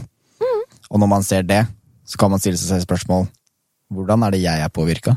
Er jeg påvirka på måter jeg liker? Er jeg påvirka på måter jeg ikke liker? Da finner du noen greier. Du jeg tenker det. på det stadig vekk. Ja, At du er jo på en måte jeg, jeg tenker på det slik at jeg er jo et resultat av alt jeg har opplevd og alt jeg har sett. Der, noe som også betyr at det er superviktig hvem du faktisk tilbringer tiden med. Det, der, der er det lov å være kresen. Hvis du vil et sted, og du vil utvikle deg, så er man nesten nødt til å treffe noen nye mennesker. Ja. Og, og, og hva som kommer først eller sist, det har på en måte ikke så mye å si. Du må bare starte å gå veien, og så vil du treffe nye mennesker. Men eh, jo, hva var spørsmålet som du stilte? Um, uh, jo, det med påvirkning. Uh, ja, jeg tror det er Ja, hvordan jeg er påvirka. Jeg har tenkt på at jeg Jeg har stilt meg spørsmålet hvorfor jeg tenker som jeg gjør, hvorfor jeg gjør de tinga jeg gjør. Og det handler jo på en måte mye om hvordan man er vokst opp, da. Hva man eh, har lært av familien sin. Men når man stiller seg de spørsmålene, så innser man jo også at jeg kan endre opp de tingene akkurat som jeg vil. Og da blir det veldig interessant, for da kan du på en måte gå dypere i deg selv og finne deg selv mer. Og jo mer du finner deg selv, jo mer vil du også finne de riktige menneskene. For hvis du ikke er det autentiske deg, så vil du på en måte være rundt mennesker som ikke er autentiske for deg også. Så jeg føler det er- en refleksjon, da. Og det er jo interessant med å på en måte ikke bare oppsøke nye miljøer med folk som har samme interesser som deg, men det å reise litt rundt og prate med mennesker. Fordi folk er forskjellige. Og jeg har vært i London selv. Jeg elsker London. Jeg synes det er sånn, i hvert fall jeg som driver med musikk, da. ja. Når man sitter på T-banen, og der bare spiller det to stykker på gitar og fiolin, liksom. Inne på eh, Ja, på kollektivtransport, da. Du ser jo ikke det i Norge. Fordi da plager du andre, ikke sant. Kan du ikke, og folk blir irritert. Men der er det jo god stemning. Det er jo god stemning å spille gitar på bussen, og jeg føler kanskje folk er litt mer frie der. Ja, så føler jeg at de connecter med folk. Det gjør vi jo ikke her i Norge. Det er jo ikke så veldig ofte at du sitter på T-banen og har øyekontakt med noen, eksempel. Eller Nei. smiler til noen, eller Så det, det savner Ja, det er litt litt. skummelt, ikke sant. Ja, det er akkurat det. Og det tror jeg er litt sånn der i forhold til det vi snakket om i stad også. Det med at man kanskje får den følelsen av connection i naturen, da. Eller at man føler at Ja, ikke sant. Jeg tror også her i Norge er vi liksom veldig sånn Vi er i vår boble, da. Mm. Um, så, så, så det der er veldig, veldig interessant, og kanskje litt trist. Men samtidig har vi jo veldig mye fint med landet vårt også. Så det er ikke det. Men noen eh, interessante perspektiv. Og jeg tenker jo kanskje noe av det viktigste jeg lærte med det, var jo egentlig liksom det med at jeg har jo gått en litt annen vei enn det mange andre har gjort. Sånn. Startet for meg for selv. selv og Ja, og jeg elsker det! Ja, du gjør det. Men det var ja, jeg Kult. elsker det! Nei, det- og det passer rart. passer Nei, for meg! det. Ja, nei, jeg hater det. det. Jeg skal... Jeg anbefaler ingen å Nei. Nei. Men det var jo liksom en helt annen måte enn det som den typ, typiske nordmannen gjør. da, på en måte. Og, og der møter man jo litt sånn Det er jo ikke sånn at jeg nødvendigvis har møtt masse kritikk, men man får veldig sånn spørsmål hvorfor i all verden gjør du det? Hvorfor, ja, men Skal du ikke ha en fast jobb og en fast stilling og? Trygghet, liksom. Ja, liksom, hvorfor gjør du det det gjør? Og, og for meg så var det veldig sånn befriende å se at åh, jeg er jo fri til å gjøre akkurat det jeg vil. Men, men folk eh, har kanskje den liksom den tryggheten med seg at det er vanlig å gjøre, da bør jeg kanskje gjøre det jeg også, uten å faktisk stille spørsmålstegn med hvorfor man gjør det. da. Så, så det har vært en viktig erfaring. Kult. Eh, sånn sett, da. Men eh, hvor lenge har du drevet for deg selv? Og hva føler du at du har lært av å gjøre det? det jeg vil jo tro man lærer masse. Og, og jeg merker det jo selv òg, selv om jeg, har liksom, jeg er student og sånne ting. Men jeg liker jo bare å gjøre ting Ja. selv. Og du, jeg føler du er jo, du er jo litt sånn eh, hva, hva, hva kaller du deg selv, Fredrik? Sånn student, men du er jo på en måte en litt sånn er frilanseraktig? da? studentfrilanser, jeg veit ikke helt. Masse eh, forskjellig? Jeg liker å gjøre forskjellige ting som er kreativt. Ja. Det er min store visjon, at jeg vil eh, Jeg vil eh, leve av meg selv og kunne være kreativ. Enten det er liksom i form av å podkast, musikk, foredrag på skoler, sanger, konserter.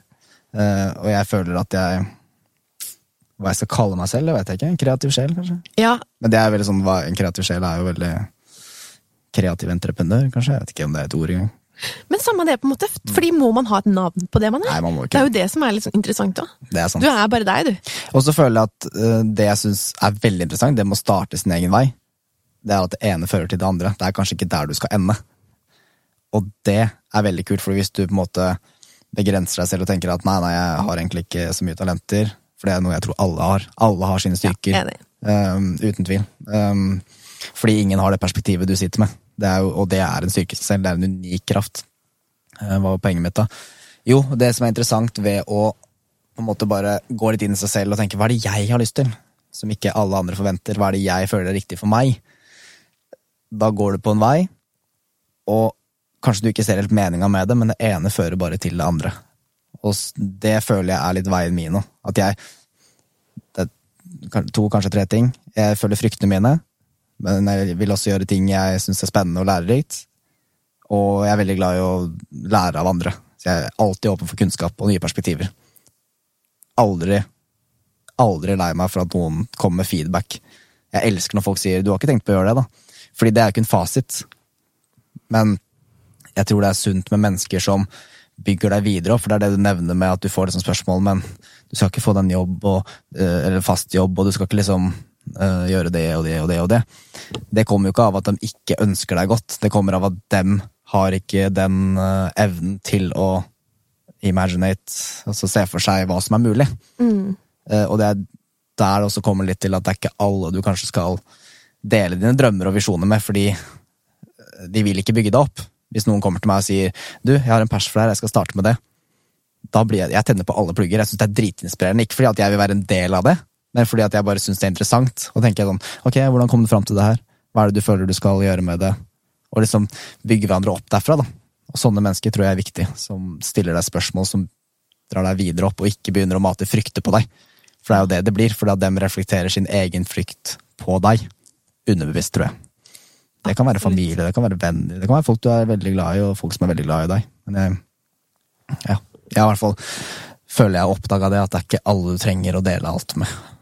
Fordi det er veldig mange som ja, du, du trenger å være med mennesker som kan se for seg de tinga du ser for deg. og det er, Noen ganger skjønner man ikke selv engang, men jeg tenker at hvis det er noe i deg som gjør at du føler at det her er riktig, så gå for det. Og i hvert fall vi som er så heldige som bor i det landet vi bor i, Fordi her har du muligheten til å falle. Det har du ikke i England. På samme måte. Nei, det var ikke det. Jeg har venner nede i London liksom, som bare er sånn Nei, jeg føler meg ikke bra om dagen, men jeg kan ikke liksom bare gå til et kontor eller få hjelp. Det er ikke det samme. Og det er ikke langt unna. Jeg har halvannen time med fly, liksom. Så den gaven, da, å kunne bo i det landet her òg, er jo en takknemlighet for at du har mulighet til å satse, satse litt. Uh, og det tror jeg er liksom Ja. Hva er det, hva er det skumleste du Er det noe du syns er skummelt med å drive for selv? Er det liksom, tenker du mye på frykter, eller går du liksom bare rett på 'jeg vil det her', og så går du for det? Nei, altså jeg har, og det, det er viktig å si, jeg har frykter hele tiden, jeg. Ja. Jeg kjenner på frykt hver dag. Og, men jeg har blitt vant til å, å føle på den, de fryktene. Eh, og de er ikke så intense, kanskje, som de var før. Nei, ikke sant? Um, og jeg, jeg frykter masse. Hva frykter du? Um, Nei, altså, hva er det jeg frykter? Jeg frykter til og med Eller, altså Og du kan jo eh, Vi kan begynne å gruble på hva betyr egentlig frykt, for det, jeg tror for veldig mange høres det veldig sånn intenst ut, men, eh, men hvis vi sier at eh, frykt er en form for liksom et ubehag, en, en nervøsitet, Ja. noe du er redd for, er noe som eh, Ja, noe, du kjenner litt sånn ubehag rundt noe. Jeg føler frykt er det man definerer det som selv, på en måte. Det er liksom Ja. ikke en fasit der, eller? Jeg tror alle, alle skjønner hva Ja, folk skjønner jo hva jeg mener med, med det, Ja. men Interessant. Nei, em, til og med i dag, når jeg skulle møte deg.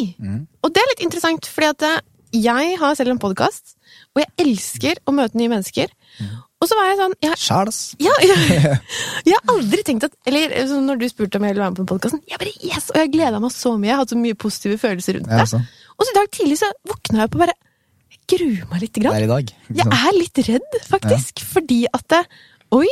Nå skal jeg møte Fredrik, og han skal, jeg skal være gjest i hans podkast. Mm. Og han skal stille meg spørsmål, for jeg er veldig vant til å være den som stiller andre spørsmål. Ikke sant? Og det var litt skummelt. Og jeg kjente sånn åh, det her er litt ubehagelig. Men det var ikke sånn at jeg var skikkelig redd. Ah. Men jeg kjente på en nervøsitet.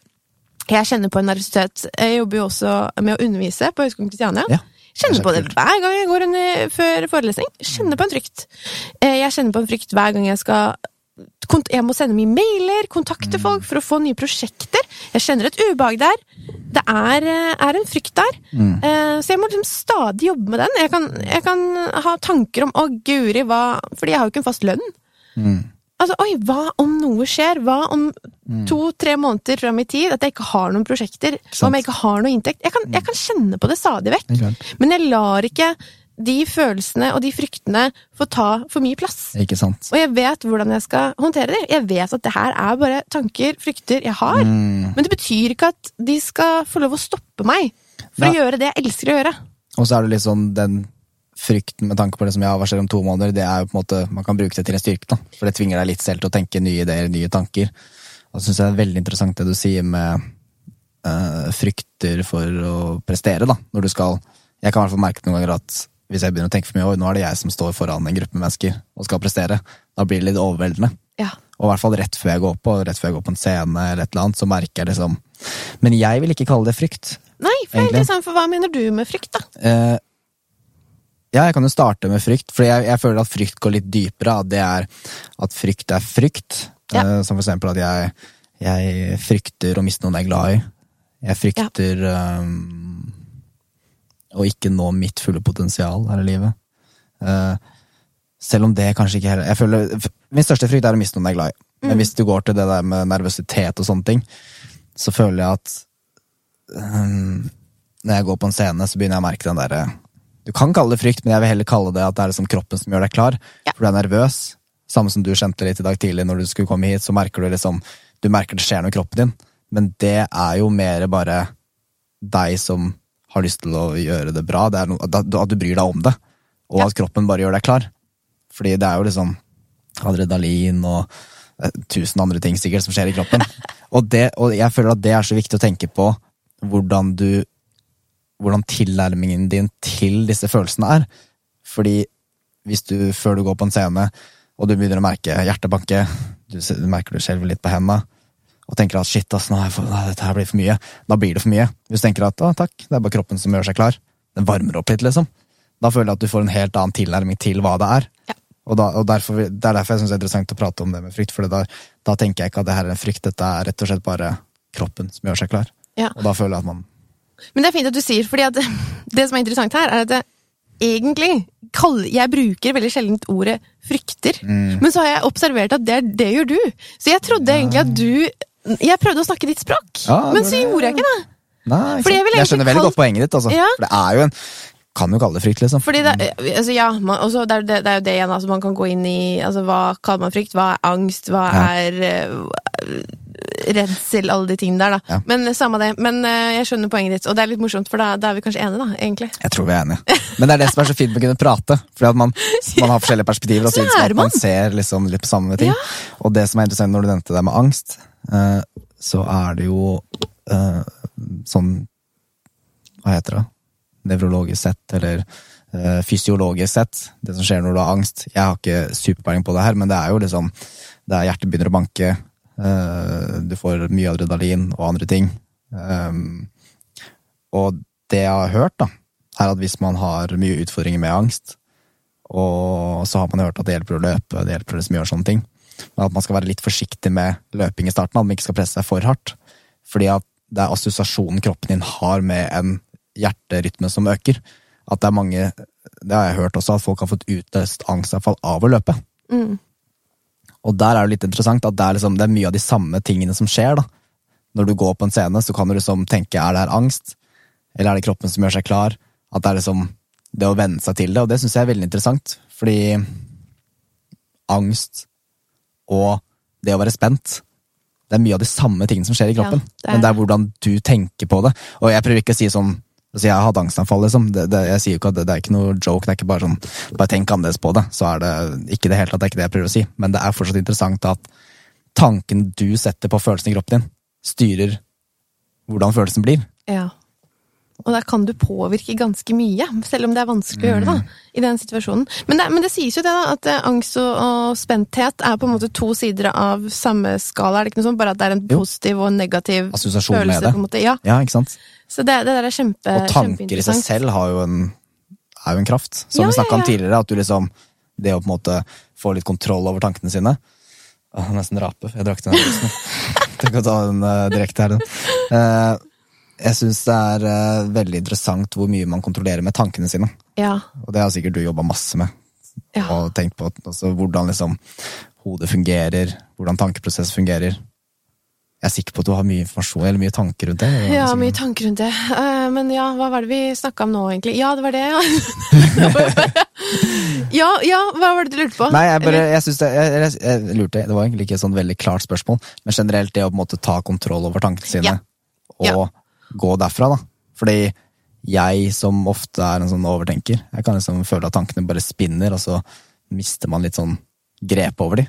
Det bare går i en loop. Men det å på en måte finne teknikk for seg selv på hvordan å bremse det ned, da.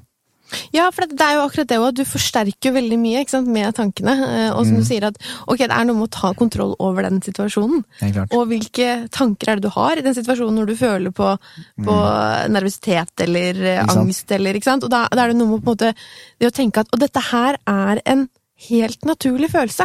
Hvis du begynner å tenke det, da, og tenke at dette her er biologisk sett en veldig fin følelse å ha. Takk for at jeg har denne følelsen. Ja? Altså, Ja, det er jo ikke så lett i øyeblikket. Nei, nei, men. Men det, men det er litt viktig, for at man kan forstå, sånn Å nei, jeg kan ikke føle på det her, jeg kan ikke føle på det her, jeg må vekk, jeg må vekk. jeg må vekk. Hvis du har de elefant, tankene, ikke sant? Nei, så, så blir du forsterker det, og du, du hisser deg selv opp da med tankene dine. Så det er noe med å bruke både tankene og kroppen, ikke sant. Roe ned, pusten, Senke skuldra. senke Bevissthet. skuldre Ja, Bevisstgjøring rundt eh, seg selv. absolutt. Og bruke det bevisst, da. Helt klart. For det, det gjør at du kan forsterke situasjonen og gjøre det verre, men du kan òg gjøre det bedre. Um, Det er litt interessant det der at du kan jo bare ha én. Du kan jo bare tenke én ting av gangen. Ha fokus på en tanke. Du kan føle at det er mange tanker som surrer over deg eller inni deg, eller hvor, hvor en tanke kommer fra. Det er nok et dypt spørsmål. Men det er flere ganger jeg har liksom vært en, tatt meg selv i å, altså at jeg har bevisstgjort meg selv at nå er jeg en sånn negativ loop. Nå bekymrer jeg veldig mye over en ting som skal skje. Som jeg kan kontrollere og heller bare tenke på noe jeg er takknemlig for. Og så fyller det deg glede. Fordi det du tenker på, det vokser jo ja. det er jo fokuset ditt, som vi om, så du ser mer av det du fokuserer på.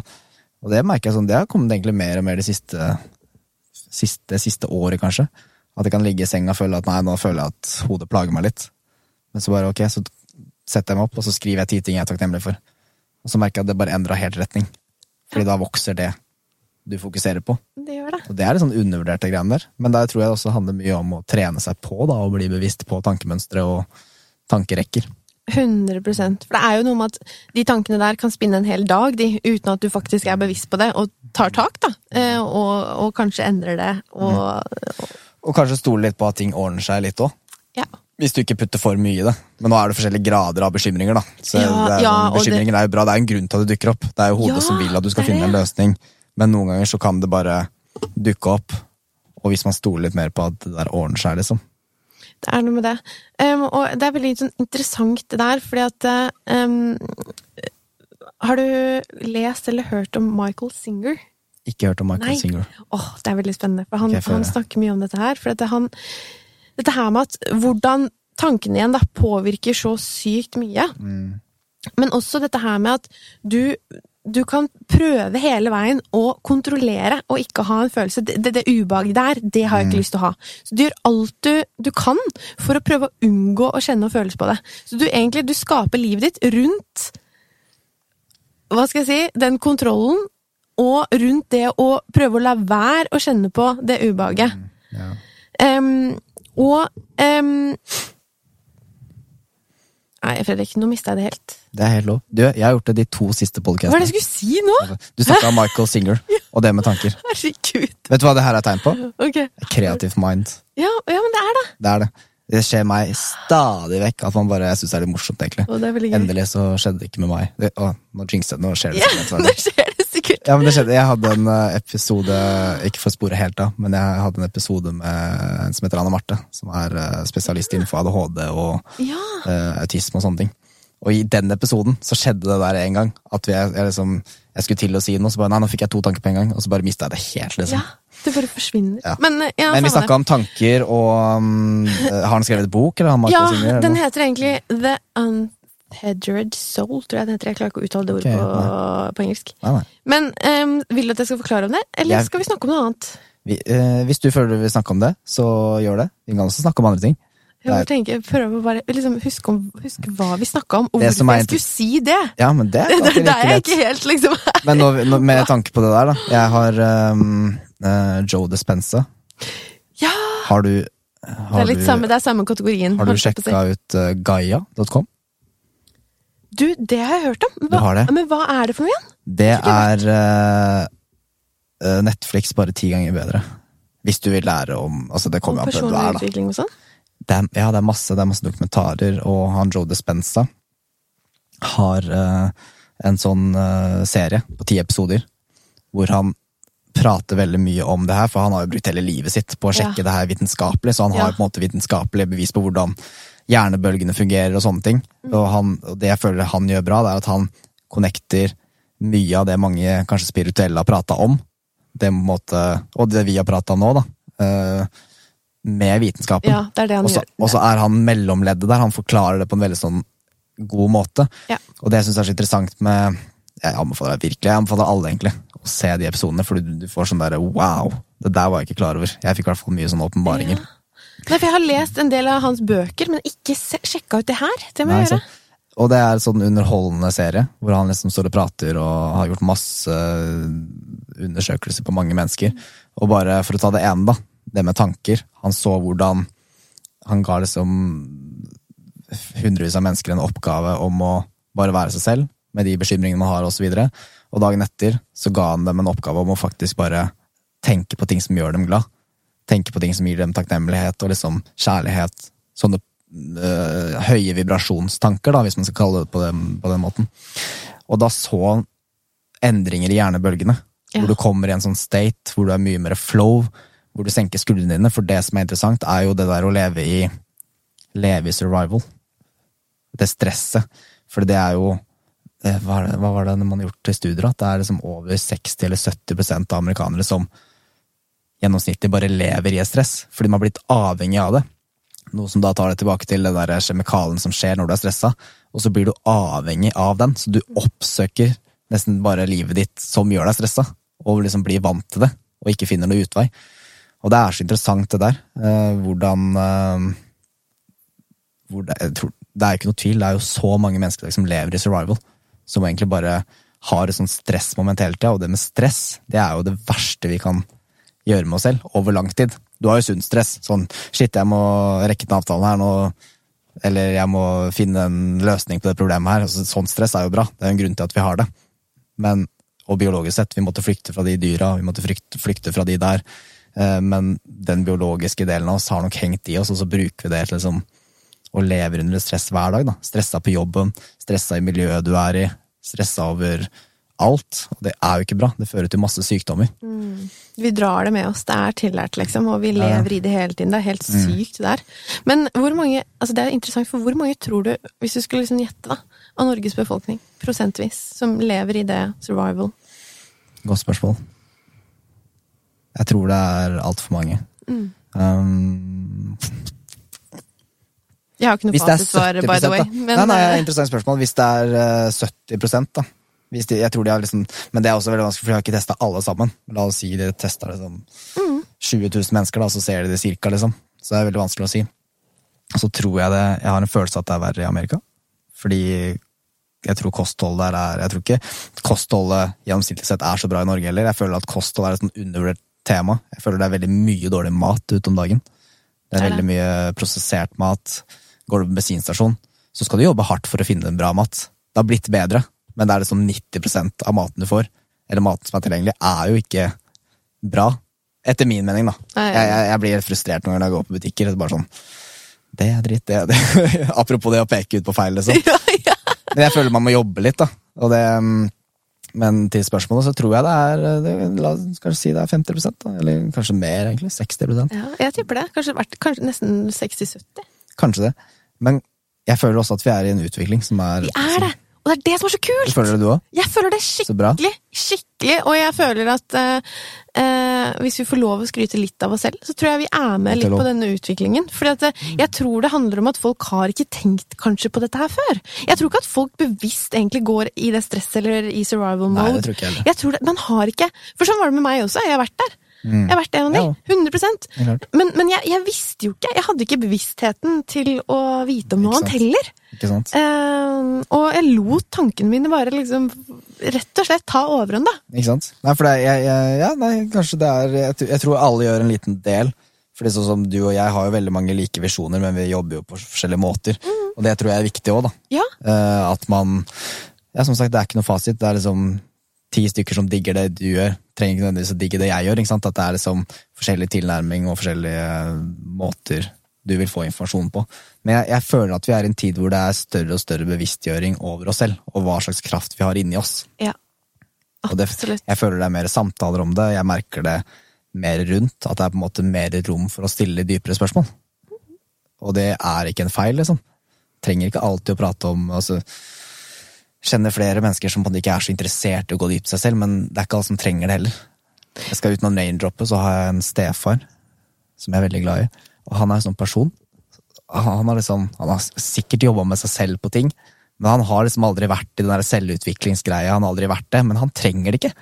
Han er, han er liksom sånn der, det, jeg, jeg har faktisk ikke noe negativt å si om han. Han er bare, han veit når han skal si noe, han veit når han skal ikke si noe, og han er snill mot alle. og bare liksom, Han har det fint, da. Og han øh, har en øh, fast jobb og koser seg med det og har alltid sagt at jeg vil bare dra på jobben og så vil jeg komme hjem til familien sin.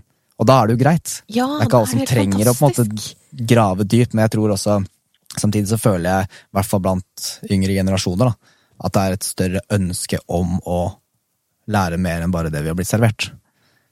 Absolutt, det er jeg helt enig i. Og jeg tenker jo også at eh, vi er jo forskjellige mennesker som har så mye å bidra med. Vi har forskjellige ressurser. Vi, er, vi skal gjøre forskjellige ting for å få samfunnet til å fungere. Vi har forskjellige roller, og vi er her for forskjellig grunn, tenker jeg. Da, eller tror jeg. Det tror jeg òg.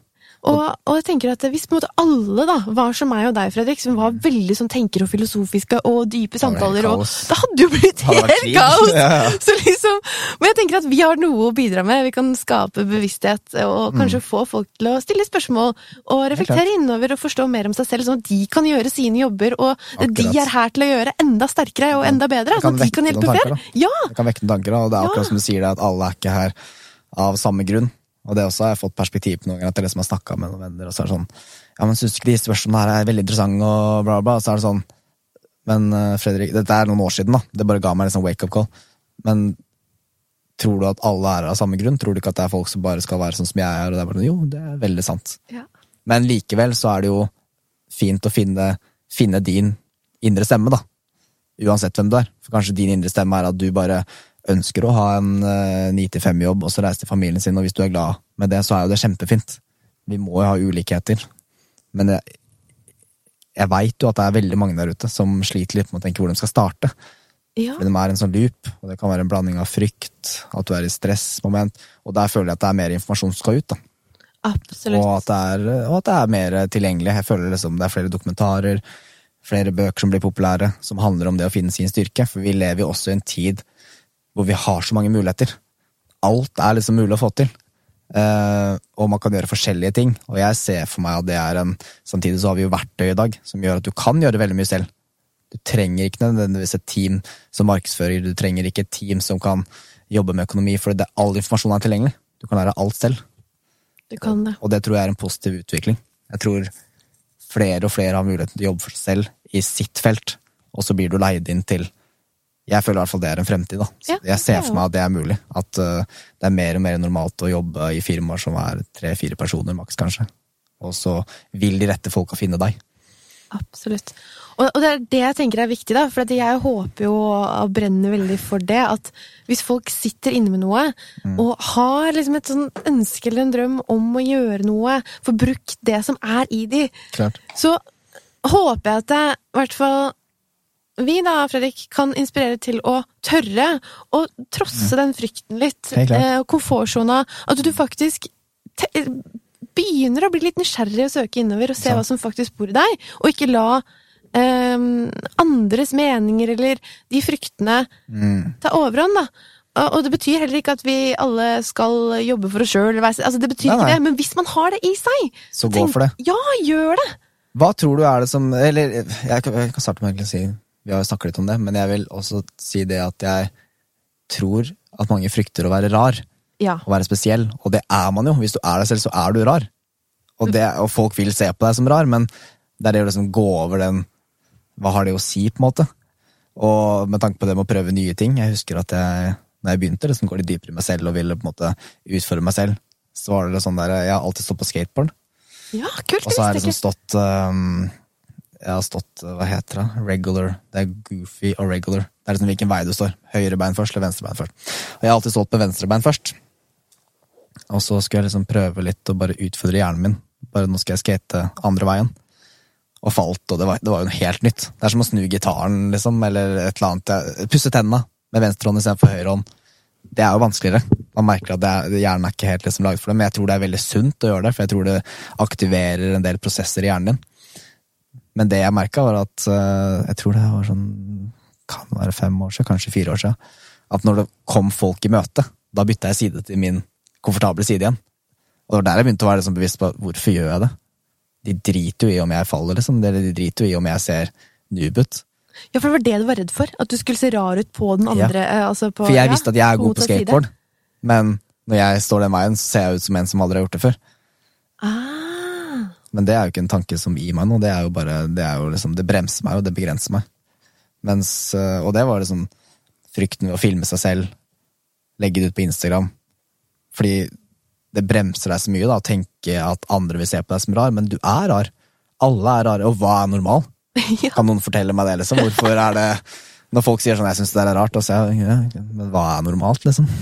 Det er akkurat det, og det er jo egentlig hvem definerer det? Hvem er det som sitter med et fasitsvar på hva som er rart, eller hva som er normalt, eller ingen? Egentlig så kan du jo Ja. skape det sjøl. Altså.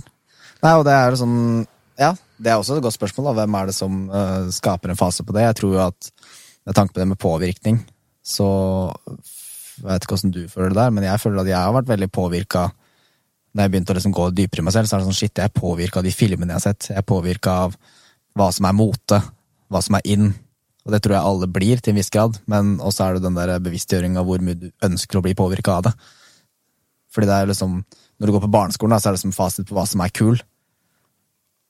Min observasjon var at de som var kule på barneskolen, liksom, var de som var litt kule på American Pie og de college-filmene. At det liksom Det går igjen, da. Og det tror jeg er Selvfølgelig, man skal jo skille mellom uh, filmer og realiteten, men det har jo blitt en, en sånn stereotype på ting. Sånn ser en uh, populær person ut, sånn ser en taper ut, sånn ser en pedofil ut, sånn ser en morder ut. Og det har jeg tenkt på selv òg, at jeg liksom har uh, Du kan se på en person så kan du tenke at han der er sikkert slem, men mest sannsynlig så er det kanskje den godeste personen i hele verden, fordi stereotypen er liksom veldig fake, da. Men uh, det er sånn en ting jeg har tenkt over, at der er jeg påvirka, og det må jeg endre. For ofte er det jo liksom karen som er stor og har tatoveringer og stort skjegg. Han er jo egentlig bare den bamsen. Ja. Men han ser, det er så mye bak den masken vi har, da. Så jeg tror det er en påvirkning for hva som er normalt og rart. Så folk, er folk redd for å gå utenfor den normalen.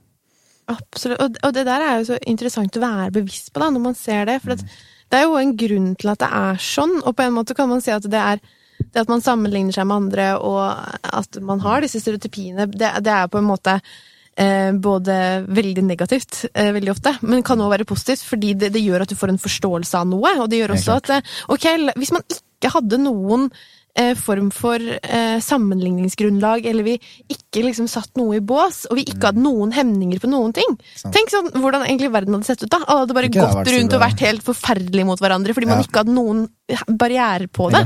Så på en måte er det fint, men på en annen måte er det når det der går for langt, da, og du lar deg påvirke, Mm. og du endrer den du egentlig er, fordi du er så redd for å ikke passe inn, da, eller Ja, for der er det jo et skille, ikke sant. Det å eh, Ja, du skal være deg selv 100 men du trenger ikke å være alle tankene dine. Du trenger ikke liksom gjøre alt som faller deg inn. Nei! Der er det skillet, der tror jeg kanskje mange kan misforstå litt. Bare, ja, jeg hører du skal være deg selv, men tenk hvis alle er seg selv. Men det handler jo om hvilken dybde du går i, da. For hvem var du min da i går, eller for fem år siden? Det var jo deg, men det er jo ikke deg i dag. At du har alltid liksom den der eh, muligheten til å stille seg spørsmål hva er det jeg kan gjøre bedre for å bli en bedre person. da. Fordi jeg har en følelse at de, altså, Min oppfatning er at de aller aller fleste menneskene er gode. De har masse kjærlighet til seg. Men når folk gjør vonde ting mot andre, så er det fordi de har mye inni seg som er vondt. Hvis du går ut på byen og du lager bråk, så er det fordi det er et eller annet bråk inni hodet ditt. For ingen som er i en flow og har det fint, vil jeg tro, da, går rundt og lager bråk. Vil jeg tro, i hvert fall. Eller de gangene noen er frekke mot andre eller dytter andre ned, så er det fordi de selv er på et sted de ikke trives. Mm, absolutt, og det tror jeg er viktig å liksom ta med seg og huske på. Huske på for at hvis man får kritikk, eller og bare husk på at ok, hvis du får den der, da, Mm. så er det mest sannsynlig for det er noe vondt i de. Og prøve å vinkle det på den måten, tror jeg er litt Ja, og, viktig. og møte det med tålmodighet òg, da. Ja! At liksom hvis noen er frekke mot deg, så altså, Du skal ikke godta alt. Du må sette begrensninger for deg selv, det er viktig. Men det å ikke ta ting for personlig. Hvis noen er frekke mot deg, hvis noen øh, er nedlatende eller lite imøtekommende, istedenfor å tenke at oi, de liker ikke meg, så bare tenke at hm, det er sikkert sider ved dem som de ikke liker ved seg selv. Og møte det med kjærlighet, for det er det de trenger. De trenger jo ikke mer hat, de trenger ikke mer fordømmelse, de trenger bare kjærlighet. Og det tror jeg er en sånn viktig ting for fellesskapet vi lever i, da. Å møte hverandre litt der de er. Absolutt. Er. Men er det andre ting da, Fredrik, som du tenker vi kan gjøre for å tørre å være oss selv enda mer? Eh, annet enn det at jeg tror det er viktig å på en måte tørre å være rar. Og jeg prøver å teste den komfortsonen litt grann, eh, noen ganger. eller sånn senest i går så gikk jeg i parken på Løkka. Tenkte jeg, nå fikk jeg lyst til å tøye ut. Ja, la oss da tøye ut litt, da. Så står jeg der liksom, med beina opp og bare Og så liker jeg litt at folk ser på. Eh, Ikke, nei, misforstå meg rett, det var ikke det jeg mente, men at folk går forbi og er sånn Hva driver han med? Jeg syns det, er litt kult å gjøre ting som andre syns er rart. Så jeg tror egentlig det bare er å starte, på en måte. Um, og gjøre ting du liker. Og kanskje observere det at hm, frykten her er at andre kanskje tenker at jeg er rar, men gjør det for det, liksom. Hvis det er riktig for deg, og det ikke skader andre, gjør hva enn du vil. Ja. Så lenge du ikke dytter andre ned, så kan du gjøre akkurat hva du vil. Eh, og spørsmålet ditt var hva- Akkurat det, hva man kan gjøre. Ja. Start i det små. Ja, Start i det kanskje små. noe- Kanskje begynn å tøye på midt på. Grünerløkka. Begynn å tøye midt på Grünerløkka. Eller, eller bare gjøre ting. Si det du syns er morsomt. Uh, vær deg selv, liksom. Um, det er veldig enkelt å si, da. Vær deg selv, for hvem er det, liksom? Men så tror jeg det er å utforske, prøve nye ting. Tror jeg er viktig, for du kan alltid bli overraska av sider ved deg selv. Det bor så ufattelig mye mer inni oss enn det vi tror. Det bor ufattelig mye inni meg som jeg ikke vet ennå. Det, vil jeg, på en måte, det er jo en del av det som gir meg glede i livet, å prøve nye ting. Eh, og kanskje det har ligget der for deg hele tiden. Det var bare noe med timing òg. At noen ganger er timinga veldig riktig. Eh, etter jeg begynte på Noroff, så prøvde jeg for første gang jeg har gått på teater en del år da jeg var yngre. Um, men så ble jeg kjent med også han ene jeg bor med, går på film. Og han spurte om jeg ville ta en liten rolle i eksamensfilmen hans i fjor. Kult. Jeg bare jeg vet ikke helt om jeg føler jeg har liksom tid å prioritere på det, men jo, la oss prøve, for det er noe nytt. Og jeg digga det. Så det dritfett å være på et sett og jobbe med flere mennesker. Det var sånn syv-åtte stykker som samarbeida, og den der, opplev den der, da. Det er garantert noe jeg har lyst til å gjøre igjen. Men jeg visste det jo ikke. Men det er det å prøve det. Og noen ganger så prøver man ting, man tar en utdannelse, og så finner man ut at det her var ikke noe for meg. Men det er jo ikke en dum ting, for da fant du ut av det. Hva, hva med deg? Har du noen andre innvendinger på det gode spørsmålet ditt? Ja, noen eh, gode tips på det der. Mm. Hva var spørsmålet? Hvordan tørre å være seg sjøl? Jeg hadde egentlig et skikkelig bra, en bra ting jeg skulle si, men Så fucka jeg det opp. eh, Men så ødela du alt, Fredrik. Ja. Typisk meg. Bare ødelegger. Jo, jo, nå husker jeg det. Jo, jeg tror også er det noe med å tørre å Tørre å være rar, men også tørre å eh, være sårbar. Og vise til andre at 'jeg er ikke perfekt'. Nei, ikke sant. Jeg er eh, Altså, en ting som En sånn greie for meg har alltid vært litt når jeg er redd for å være go ikke være god nok. Redd for å ikke være smart nok. Redd redd for å ikke Ja, alle de tingene her. Ja. Og det har vært en sånn ting jeg har testet litt i det siste. Fordi at eh, en ting som jeg, jo selvfølgelig er viktig, og som jeg tenker at eh, Jeg sier ikke at man skal stoppe med det helt, men, men det å eksempel følge med på nyheter em, er viktig for å følge litt med på hva som skjer i samfunnet. Men for meg har jeg jo sett at det å lese for mye nyheter, følge med på alt som skjer rundt meg, følge med på alle, hva alle gjør på Instagram, det, det gir Det drar energi ut av meg. Skaper støy og ja, Ja, det skaper mer tankekjør, det gjør at jeg ikke connecter like godt med meg selv, det gjør at Ja, det påvirker mange ting. Og, um, men det er jo på en måte en slags norm i samfunnet at man skal vite alt om, om hva som skjer, og man skal være oppdatert og alt dette her. Mm. Uh, og der har jeg testet en liten ting, og det her må på en måte faktisk være sånn Vet du hva? Ja, jeg det, og, og, og ikke misforstå, jeg leser nyheter innimellom, men Ja. veldig, veldig mye mindre enn det jeg gjorde før. Ja. Og, jeg kan, og det som, når jeg bor i både London eller England da, og Norge, så er jeg også litt sånn herre Jeg klarer ikke å følge med på alt som skjer. Det, det, bare, det går ikke. Mm. Og noen ganger så har jeg hatt helt pause. Har ikke hatt peiling på helt hva som har skjedd. Em, og så kommer folk og liksom bare ja, begynner å snakke om ting som skjer, og så er det sånn Har du ikke hørt om det, Mina? Mm, Ikke sant. Jeg bare, Nei, det har jeg ikke hørt om. Og bare tørre å stå i det. Og det er et aktivt valg jeg har tatt. Ok, jeg, jeg har ikke peiling på alt. Jeg har ikke Mm, jeg satt meg inn i alt. Men det å tørre, for det er, det er flaut. Det er ubehagelig Mm. Det er å stå der og si at nei, jeg har faktisk ikke, Ikke eh, lest nyhetene de to siste dagene, så jeg har ikke fått med meg det. Um, men det å faktisk tørre det, da, å være litt sårbar, sårbar, Mm. og vise at man ikke er perfekt Og ikke kan alt. Og det er jo Ja! garantert andre ting du har gjort da på den tida, som de ikke har gjort. Ja, det er jo noe Og med det er jo der du utfyller hverandre. For jeg er så jeg digger det du sier der, for jeg har tenkt på den tanken veldig mye selv. Jeg øh, leser ikke så mye nyheter. Eh, jeg sjekker iblant, liksom. Um, og det er fint. Men jeg, jeg, jeg også føler at det er en sånn Det er den lyden. Oi, Den kabelen er litt dårlig. er det min? Nei, det er ikke din. Nei? Det er min. Skal vi se. Tekniske problemer. Der er vi på. Uh, fordi jeg føler ofte at det er en forventning, uh, ikke bare av de rundt oss, men også oss selv, at vi skal kunne litt om alt. At man skal ha litt informasjon om alt, men det er jo ikke realiteten. Fordi det er så mange andre ting, andre måter å få med seg hva som skjer i verden, enn å følge på nyheter. Du kan høre på podcaster, du kan lese bøker, eh, se på dokumentarer. Det er jo også en måte å få med seg ting. Så når jeg hører sånn der eh, at du leser ikke nyheter, nei, nei, men jeg leste en veldig interessant bok her om noe psykologi eller noe som bare ga meg veldig mye åpenbaringer. Og det tror jeg kan være viktig, for det kan jeg bruke. At vi er ikke her av alle samme grunn. da. Vi skal ikke få med oss alt. Um, samme politikk, og jeg er kjempetakknemlig for at vi har politikere og at vi har et politisk system som uh, Det er et stort tema, uten å gå for dypt inn i det. Det er både bra og dårlig, som det er med alle. Uh, men jeg tror ikke det er alle som er ment for å være så innblandet i politikken. For det er mange andre måter å påvirke et samfunn på enn å være, um, være i en politikk. Og det tror jeg er viktig å være litt tålmodig med, da. Men uh, jeg syns det er veldig interessant det du sier, fordi det er Vi er ikke alle her av samme oppgave. Noen skal på en måte dykke dypere i andre temaer. 110 og det, og det- er litt det jeg har sett. At jeg, jeg må på en måte ta min rolle, og jeg kan ikke tenke at jeg skal rekke over på alle områder. Og være klok og vis og smart på, på alt i denne verden. Det går ikke. Så kan jeg velge dette området her. Tenker jeg at jeg har noe å bidra med til denne verden her. Og så vil jeg heller fokusere mer på det. Og det betyr ikke at jeg liksom ikke skal på en måte skjerme meg for alt annet. Det er ikke det jeg sier. Men det er å finne den balansen der, da.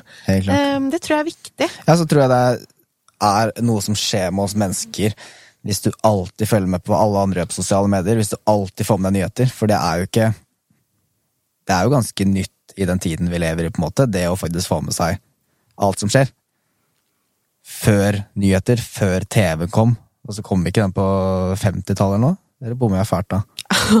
Spør meg, Fredrik. Jeg Du, ikke. du som kan så mye, Mina. Kan kan, ikke det? det? er sånn jeg kunne brydd meg mer om. Men ja, kanskje noe sånt. Jeg, jeg tror det. Altså, ikke stol på meg. Og Nei, men la oss si det er 50-tallet.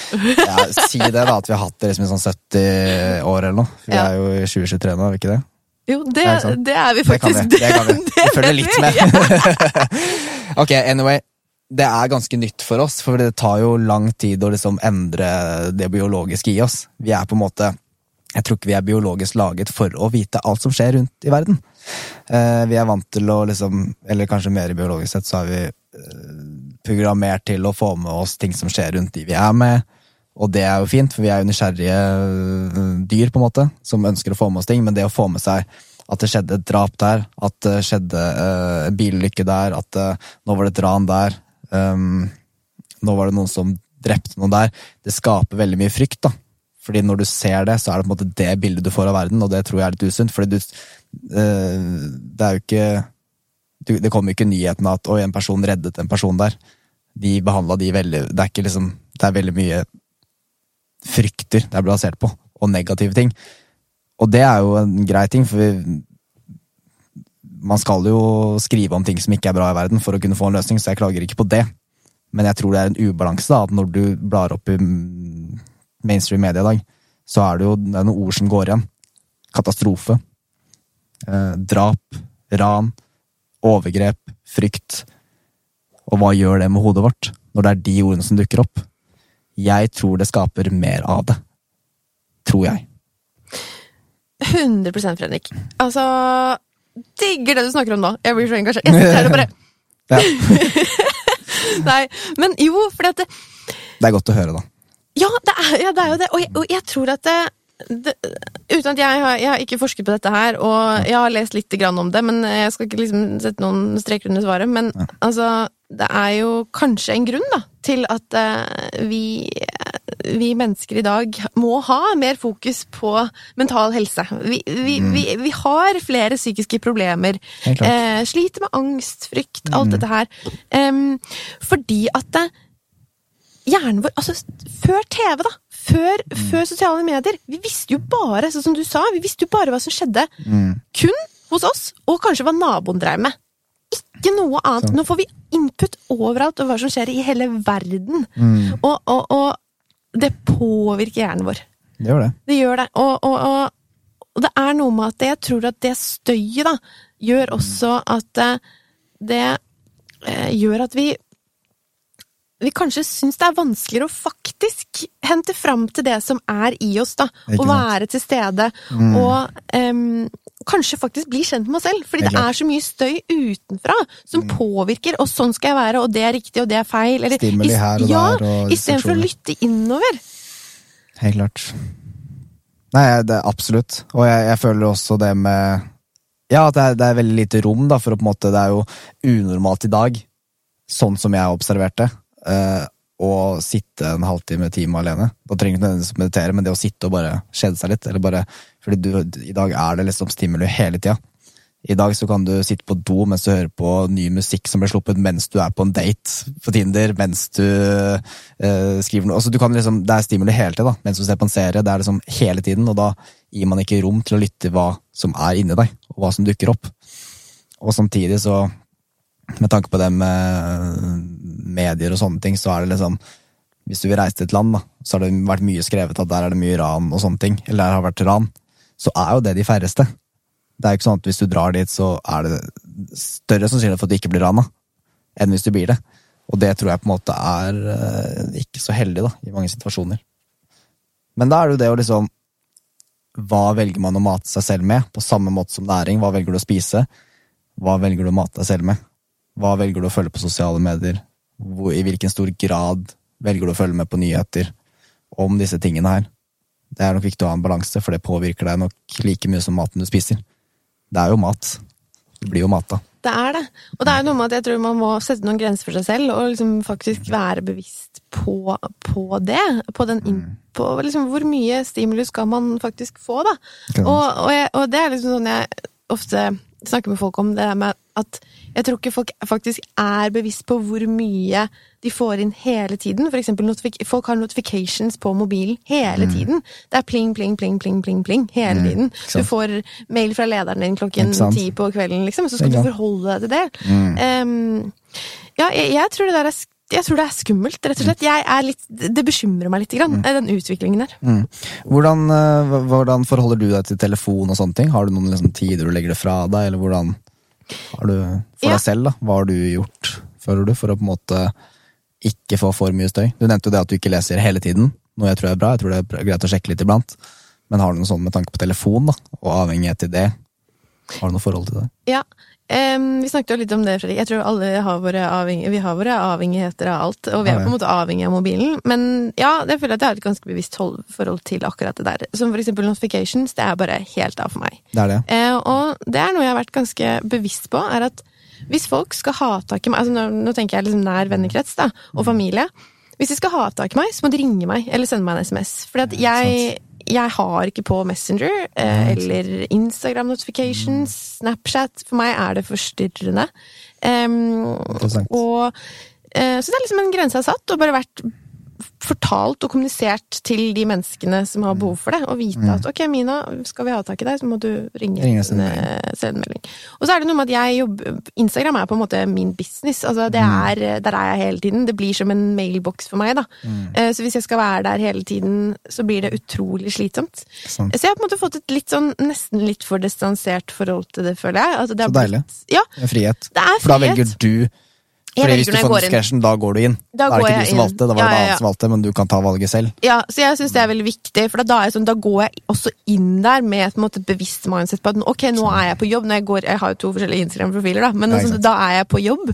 Eh, og da skal jeg på en måte gå inn som, som Mina Kjelle coaching. Altså jeg driver med coaching når jeg er inne på den plattformen plattformen der, da. Så det blir viktig for meg. Um, så, så, så Ja, det høres ut som et sunt forhold. Ja, jeg tror, jeg tror det. Og, og jeg tror at det det er veldig lett å liksom også bare ta opp mobilen, og så er du plutselig på Instagram uten at du egentlig er bevisst på at du er det. Ja. Og, og, og det tror jeg òg er litt sånn skummelt, av hvor mye vi, tid vi faktisk bruker på det. Eh, Men det å faktisk noen ganger bare legge vekk, og særlig liksom før man legger seg osv., der er jeg òg ganske sånn streng med meg sjøl. Ja. Men det funker når du skaper noen rutiner på det der. Altså. Jeg er strengere på morgenen. Du er det? Ja. Ja. Jeg har Hva er grunnen til eh, det, da? Det er interessant. eh, for, å, for jeg føler det skjer så mye i hjernen vår mens vi sover, at jeg har lyst til å ha den første timen om morgenen. Det er meg. Jeg kan godt prate med de jeg bor med, og sånne ting, men de, eh, hvis jeg Hvorfor starta jeg med det her? Jeg er på. Jeg tror jeg egentlig bare hørte det av um, Var det noen dyktige mennesker som jeg har hørt på en podkast eller lest en bok eller et eller annet? Det å starte Det er Jay Sherry som Jay sa det her. Ja. Ja. Think like a monk. Jeg tror det kom fra den boka, faktisk. Har du lest den boka? Ja, Ja, den er boka. bra bok, altså, den anbefaler jeg. Um, og der snakker han om det å sjekke inn med seg selv på morgenen. Så fordi jeg, Nå har jeg egentlig slutta med det. Nå krever jeg ikke telefonen den første timen. Um, ikke helt sant alltid. Jeg merker at det er sånn, og jeg har lyst til å sjekke notification. Uh, spesielt hvis man har posta noen sånne ting. For da er man nysgjerrig på hva er det folk har reagert på det du poster. i hvert fall når man driver med kunst eller egen business. da, det er jo whatever liksom. Men jeg merker at det gir meg så utrolig mye, for det setter en standard for resten av dagen. For når jeg våkner, da er det sånn Ok, hva drømte jeg i natt? Og så liker jeg å skrive ned drømmene mine. Det er også noe jeg Oi, har gjort i mange år. det? Er Ja. kult. Eh, og så ligger bare telefonen der, sjekker klokka, skrur av eventuelt av alarmen, og så går jeg inn og lager meg kaffe, og så sitter jeg litt med meg selv. Og hvis jeg skal gjøre noe, så starter, hvis jeg vil gjøre noe som distraherer meg, så leser jeg videre på en bok jeg har starta på, eller bare sitter med meg selv. Og det er så mange tanker som dukker opp på morgenen, fordi du starter jo, ikke sant? Og det jeg har oppdaga med det, er at uh, flere ganger er det sånn Oi, det der har jeg ikke tenkt på. Hvis jeg hadde sittet på telefonen nå, så hadde jo ikke jeg fått de tankene her. Så hadde jeg tenkt på hva som skjer på det devicet. Og en annen ting jeg føler jeg har oppdaga ved det, er at uh, Det er jo bevist på flere måter at når du er på sosiale medier, ser på TikTok, Instagram, reels, sjekker notification, så får du dopamin. Og jo mer du utsetter tilskuddet ditt med dopamin på morgenen, jo mindre avhengig blir du av det resten av dagen. Jeg kan tydelig merke at hvis jeg Jeg er avhengig av nikotin. Um, hvis jeg tar en snus fem minutter etter jeg er våken, så snuser jeg mye mer enn hvis jeg venter første timen ved å ta min første snus. Fordi du setter en standard. Fordi det dopaminen du gir deg, det er jo noe du måtte bare må fylle mer på, ikke sant. Så jeg merker at første timen ikke drikke kaffe, drikke vann, ikke snuse, ikke opp telefonen. Jeg, jeg klarer ikke alle tre tingene alltid. Noen ganger er jeg rett på kaffen og tar med snus. Men i hvert fall det med telefonen. Men når jeg får til det med snus og kaffe, så føler jeg at dagen blir mye bedre. Mye mer kontrollert og mye mer avslappende. Kult. Mm. Nei, det der med morgen, eh, morgenstund er også viktig for meg, altså. Det er det. Det er noe så magisk med morgener, syns jeg. Ja, for det er så stille. Du har jo nettopp hatt en natt, i hvis du har fått en god natts søvn, så er det så peace med deg selv. Og da kommer ting. Og jeg tror det er viktig, da, for hvis, du, hvis det første du gjør på morgenen, er å ta opp telefonen din og få informasjon utenfra, da, da, da, da er det liksom Jeg tror støyet i løpet av den dagen er mye større.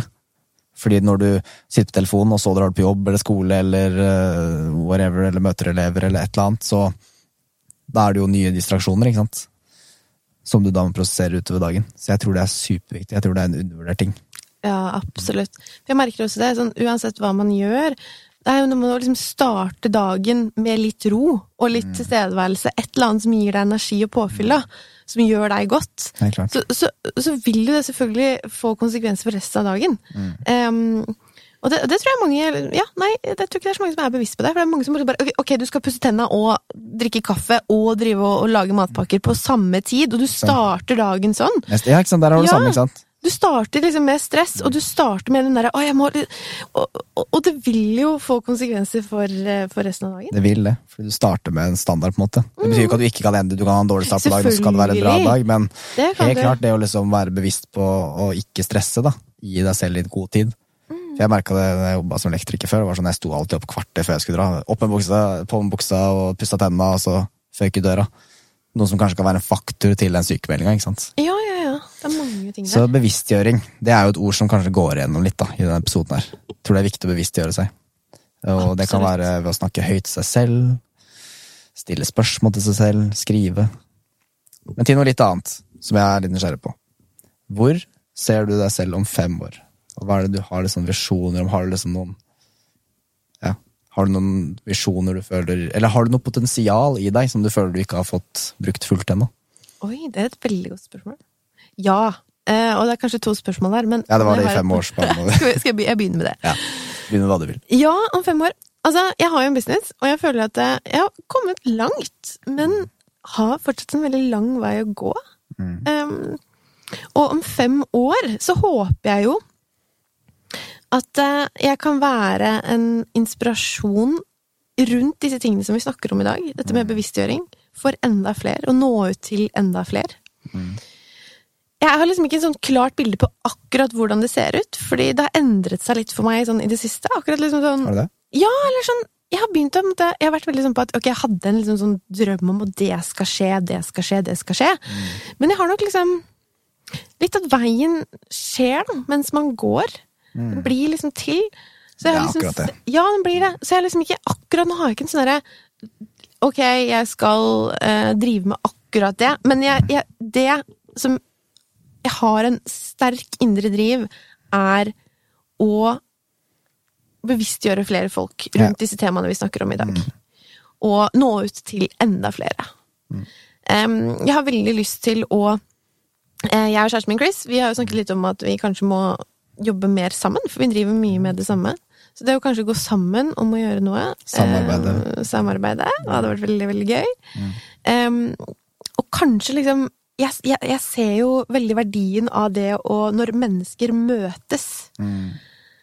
Og når man møtes flere som på en måte også har en nysgjerrighet rundt disse tingene her, og, Lidenskap. ja, mm. og som har lyst til noe mer, og lyst til å lære mer om seg selv, eh, og man kan møtes og gjøre ting sammen, det er noe jeg har lyst til å gjøre mer. Så eh, kanskje liksom type retreats, workshops, altså at man på en måte kan være på et sted lenger, på, over lengre tid, ja, og møte folk.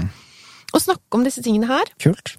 Det har jeg veldig lyst til. Eh, men jeg har lyst til veldig mange ting, da. Så, Go for it. så Jeg syns det høres ut som en perfekt person til å gjøre de tingene, så det håper jeg virkelig du bare gjør. For jeg tror Ja. du kan hjelpe mange. Takk, Fredrik. Det Men eh, ja, du å gjøre ja, Du føler liksom det er mange ting?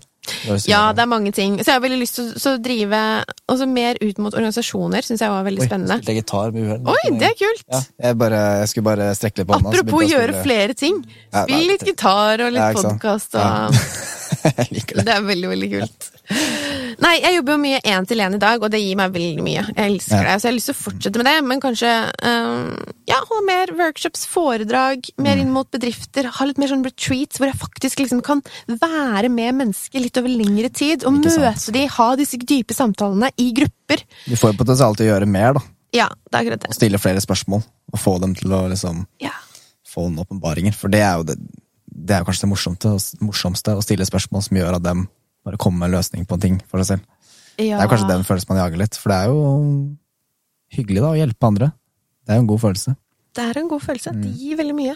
Og når du liksom bare ser at folk får en forståelse av noe, og bare connecter noe, og bare ah, får disse aha-opplevelsene, det, eh, Mm. det er helt fantastisk. Og så skjer det noe magisk når man får de opplevelsene sammen i gruppe, da. Med kanskje andre som på en måte også er litt sånn like deg selv. Absolutt. Like Det der med å liksom ha en sånn der liksom mastermind eller liksom en Ja. gruppe hvor du prater om ting, det er så kraftfullt. Det er det. Det er veldig kraftfullt. Virkelig. Det, det, det tror jeg mange, inkludert meg selv, liksom trenger. Å ha et rom hvor man på en måte trenger ikke å ha et fast tema, men hvis alle har som en felles visjon å bygge hverandre opp, alle har som felles visjon av å finne sitt fulle potensial, for det er noe det jeg føler liksom er meninga med mitt liv, da, det er på en måte hvordan kan jeg leve mitt potensielt beste liv med en potensielt beste versjon av meg selv? For det er jo ingen begrensninger. Og det bare gir meg sånn driv. At det er det sånn Men så er det en balanse, da. Det er ikke alltid du skal liksom bare jobbe med det heller. Du må gi deg selv pauser òg. Pauser er superviktig. For det er jo under pauser man kanskje kommer på en idé, det er under pauser man fjerner støy. Det å ta sånne, den balansen på det, da. Har du lagt merke til det? At Akkurat det du sier nå? At når du tar de pausene, at da måte, finner du gjerne nye svar, eller Ja, jeg har, veldig, jeg har lagt veldig merke til det. At um, For det er egentlig ikke sånn før. Uh, I fjor, da jeg gikk på skole, så var jeg veldig på med å liksom bare grinde hardt, liksom. Stå opp tidlig, uh, produsere musikk. Og det var jo morsomt, men det jeg ikke innså, var at hvis jeg hadde tatt flere pauser, så kommer det Da får du tydeligere retning på hva som egentlig er viktig, da. Veldig ofte så føler jeg at jeg eh, kan være hjemme eller på jobb, eller et eller annet, og så føler jeg at jeg liksom, åh, det, nå, akkurat nå er det om tre ting jeg har lyst til å gjøre. Jeg har lyst til å rydde litt, men jeg har egentlig lyst til å jobbe på et prosjekt, jeg har egentlig lyst til å jobbe med en idé, jeg har egentlig lyst til å skrive noe. Og så starter jeg med det ene, og så begynner jeg på det andre, og så er det sånn jeg finner ikke roen i noen ting. Da veit jeg at da trenger jeg å sette meg ned og lukke øynene i 30 minutter. Og bare observere tankene og rense støy. Det har aldri hendt at jeg etter de 30 minuttene er usikker på hva jeg skal gjøre. Etter den pausen så er det sånn Da har du kommet dypere til din indre stemme, du har fjerna støy, og så er det sånn Å ja, det jeg trengte, var egentlig at jeg trenger egentlig bare sette meg ned med en bok. Jeg trenger ikke jobbe nå. Og kanskje jeg kom, eller kanskje jeg kom på at å, jeg sa jeg skulle ringe den personen. Det har jeg ikke gjort. At du på en måte gjerne jobber litt for deg, da. Men med mye distraksjoner så blir tankene dine litt distorta. Den indre stemmen blir litt distorta, rett og slett. Så jeg har merka absolutt det med pauser. Og så er det sånn, hva er en pause for deg, da? Det er jo Det er jo ikke noe fasit på det heller. Men det å reise, det det er en pause. Kanskje du skal ta en sånn lengre pause med sånn der eh, reising? Ja, Så kan du ta med deg podkasten! det kan jeg også. Har litt sånn der, du inspirerte meg egentlig til å For når jeg hørte podkast-episoden der hvor du var alene, det er jo veldig kult. Det skal jeg faktisk prøve. ja. ja, for du har bare hatt gjester til nå. Ja, og jeg liker jo det, og jeg liker jo å ha Jeg syns jo det er det kuleste. Du måtte bare møte mennesker og dele perspektiver. Eh, lærer jo masse. Lært masse i dag og prate med deg. Syns det har vært veldig interessant. Men så føler jeg på en måte at grunnen til at jeg ikke har hatt noen sånn single-episoder, eller hvis det heter, eller sånn episode hvor jeg har vært alene, er for at på Instagram så er jeg jo mer Der har jeg mer monolog. At det kan på en måte være Vi får se. Det er, apropos det å prøve nye ting, så kanskje det er noe jeg bare skal prøve. Funker det ikke, så funker det ikke, men da har jeg funnet ut av det. Ja. Nei, for det, det er du jo veldig god på, da, føler jeg, på Instagram. Altså, du har veldig sånn, det er interessant å liksom uh, høre på måten du tenker på. Ja, for det er det jeg føler liksom gjennom ordene dine på Instagram. At du, man får et sånn innblikk i hva som skjer i ditt hode. Og så kan det Og så føler jeg at det er en veldig fin måte som i hvert fall gjør at jeg får noen nye innsikter. Og noe sånn, ah, det der kan jeg kjenne igjen i meg.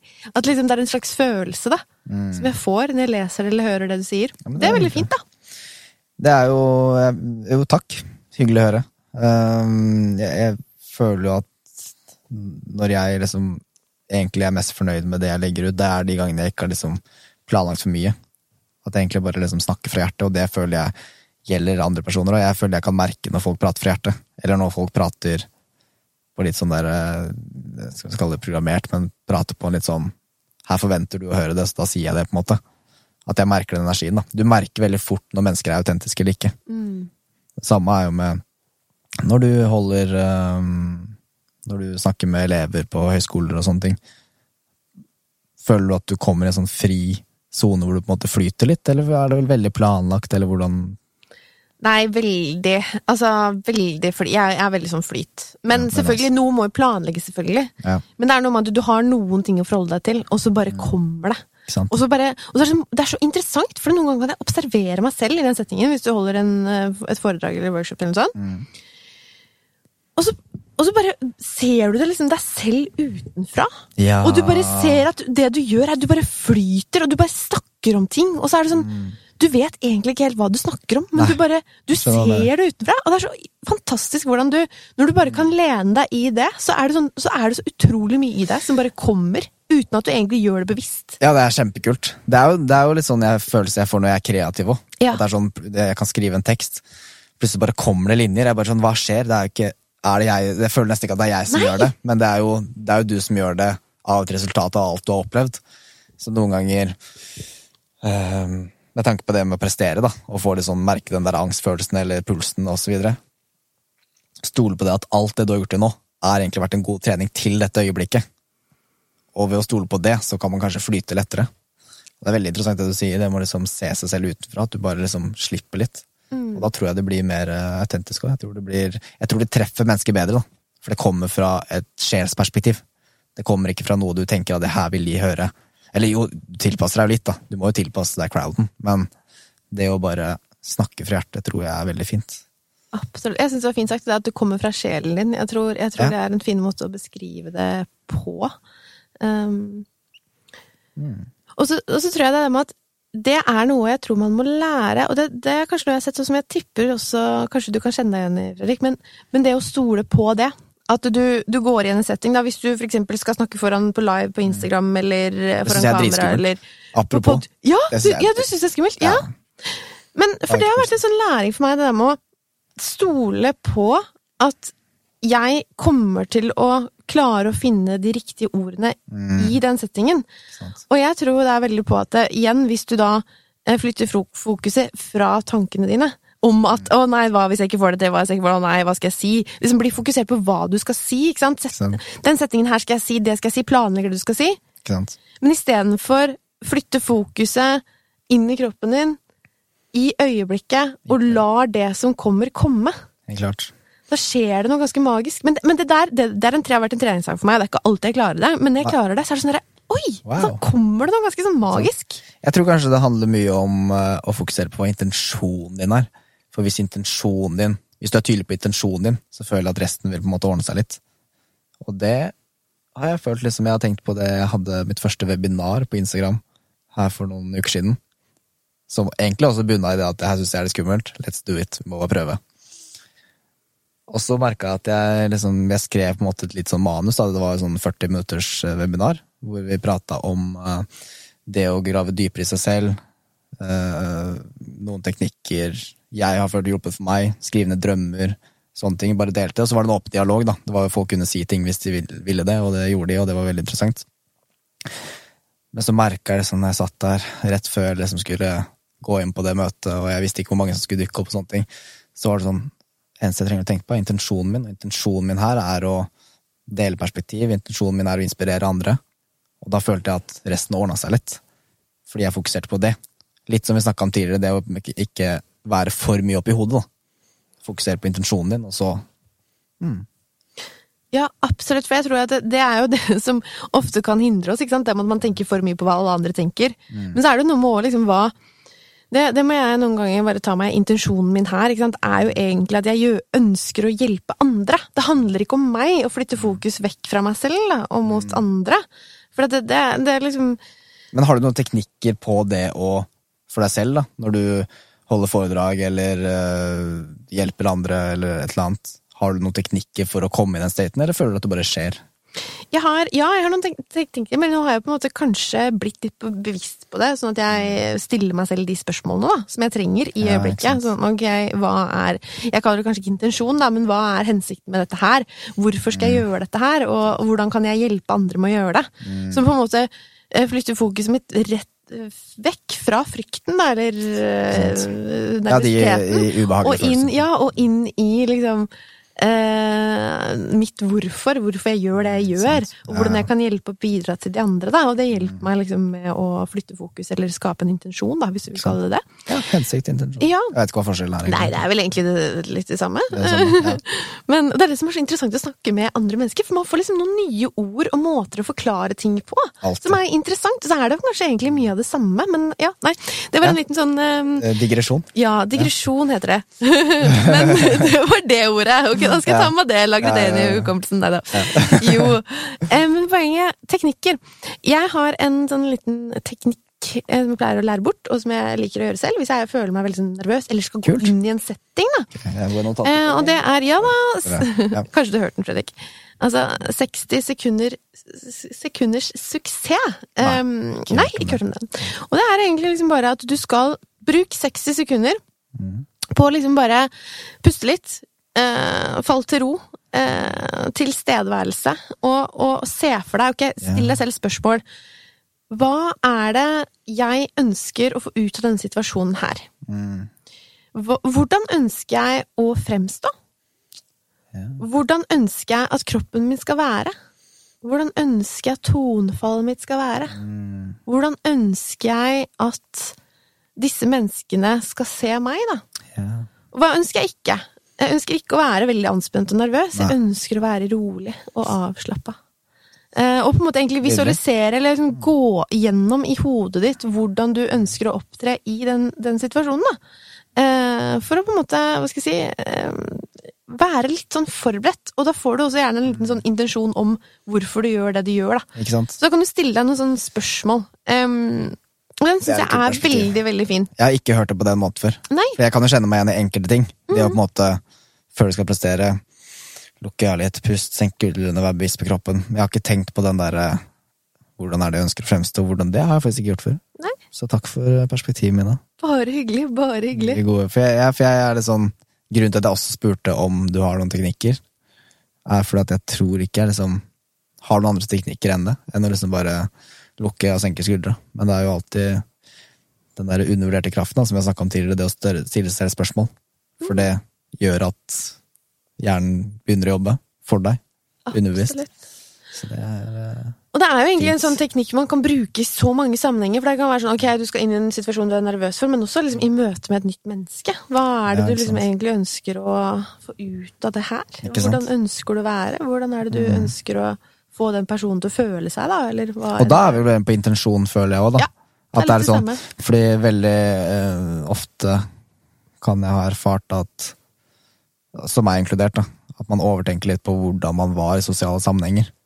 Hvis man da går tilbake at hva er intensjonen din, så har jeg landa med meg selv. Altså. Intensjonen min er å eh, få andre til å føle seg som seg selv. Min intensjon er at eh, jeg vil dele god energi. Og hvis det, de grunnleggende verdiene der sitter, eller de grunnleggende intensjonene, da trenger man egentlig ikke å tenke for mye på hvordan man har sagt ting, hva man har sagt. Selvfølgelig, man kan jo tenke hvis det er ting du vil forbedre deg på, så gjør det, men ikke overtenke på det, da. Fordi mest sannsynlig så sitter de andre personene og tenker det samme om seg selv. Sa jeg noe som var dumt, snakka jeg litt for mye, snakka jeg litt for lite? Men folk er som regel veldig i sitt eget hode. Man tenker ikke alltid så mye på hva alle andre gjør, du tenker over det litt, og så glemmer du det.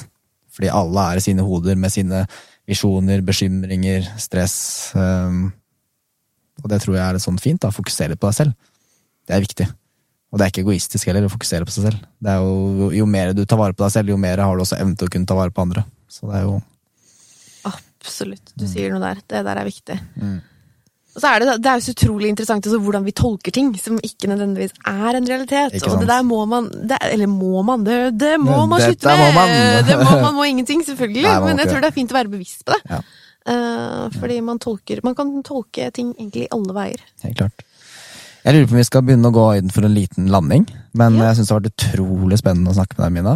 Tusen takk for at du er den personen du er. Uh, stort hjerte. Det kan jeg merke.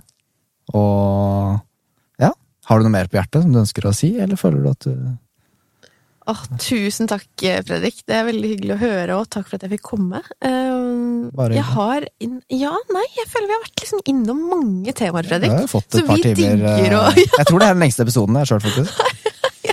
Det er et godt tegn. Nei, det har vært skikkelig gøy, og bare så inspirerende å prate med deg. Og jeg bare Tusen takk, føler like at eh, vi må prate mer, for det her er jo bare Absolutt. temaer vi bare kunne tatt enda lenger. Jeg føler det er en flyt. Føler det er, eh, det er liksom deilig noen ganger å bare ha samtaler hvor du ikke jobber for mye. Ja, Det er en flyt. og se liksom hvor det tar deg. Det er kjempespennende. Det er en liten trip, som vi snakka om i stad. Du går på en liten sånn eh, bane, og så er det Nei, men uh, hyggelig å høre.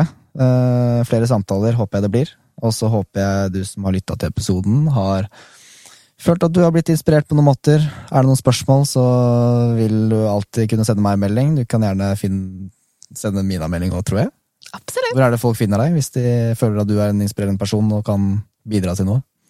Instagram Mina Kjelle Coaching. Gjerne følg med der. Yes. Takk for eh, nå, og takk til deg, Mina. Tusen takk, Fredrik. Så snakkes vi senere. Ha det! Ha det!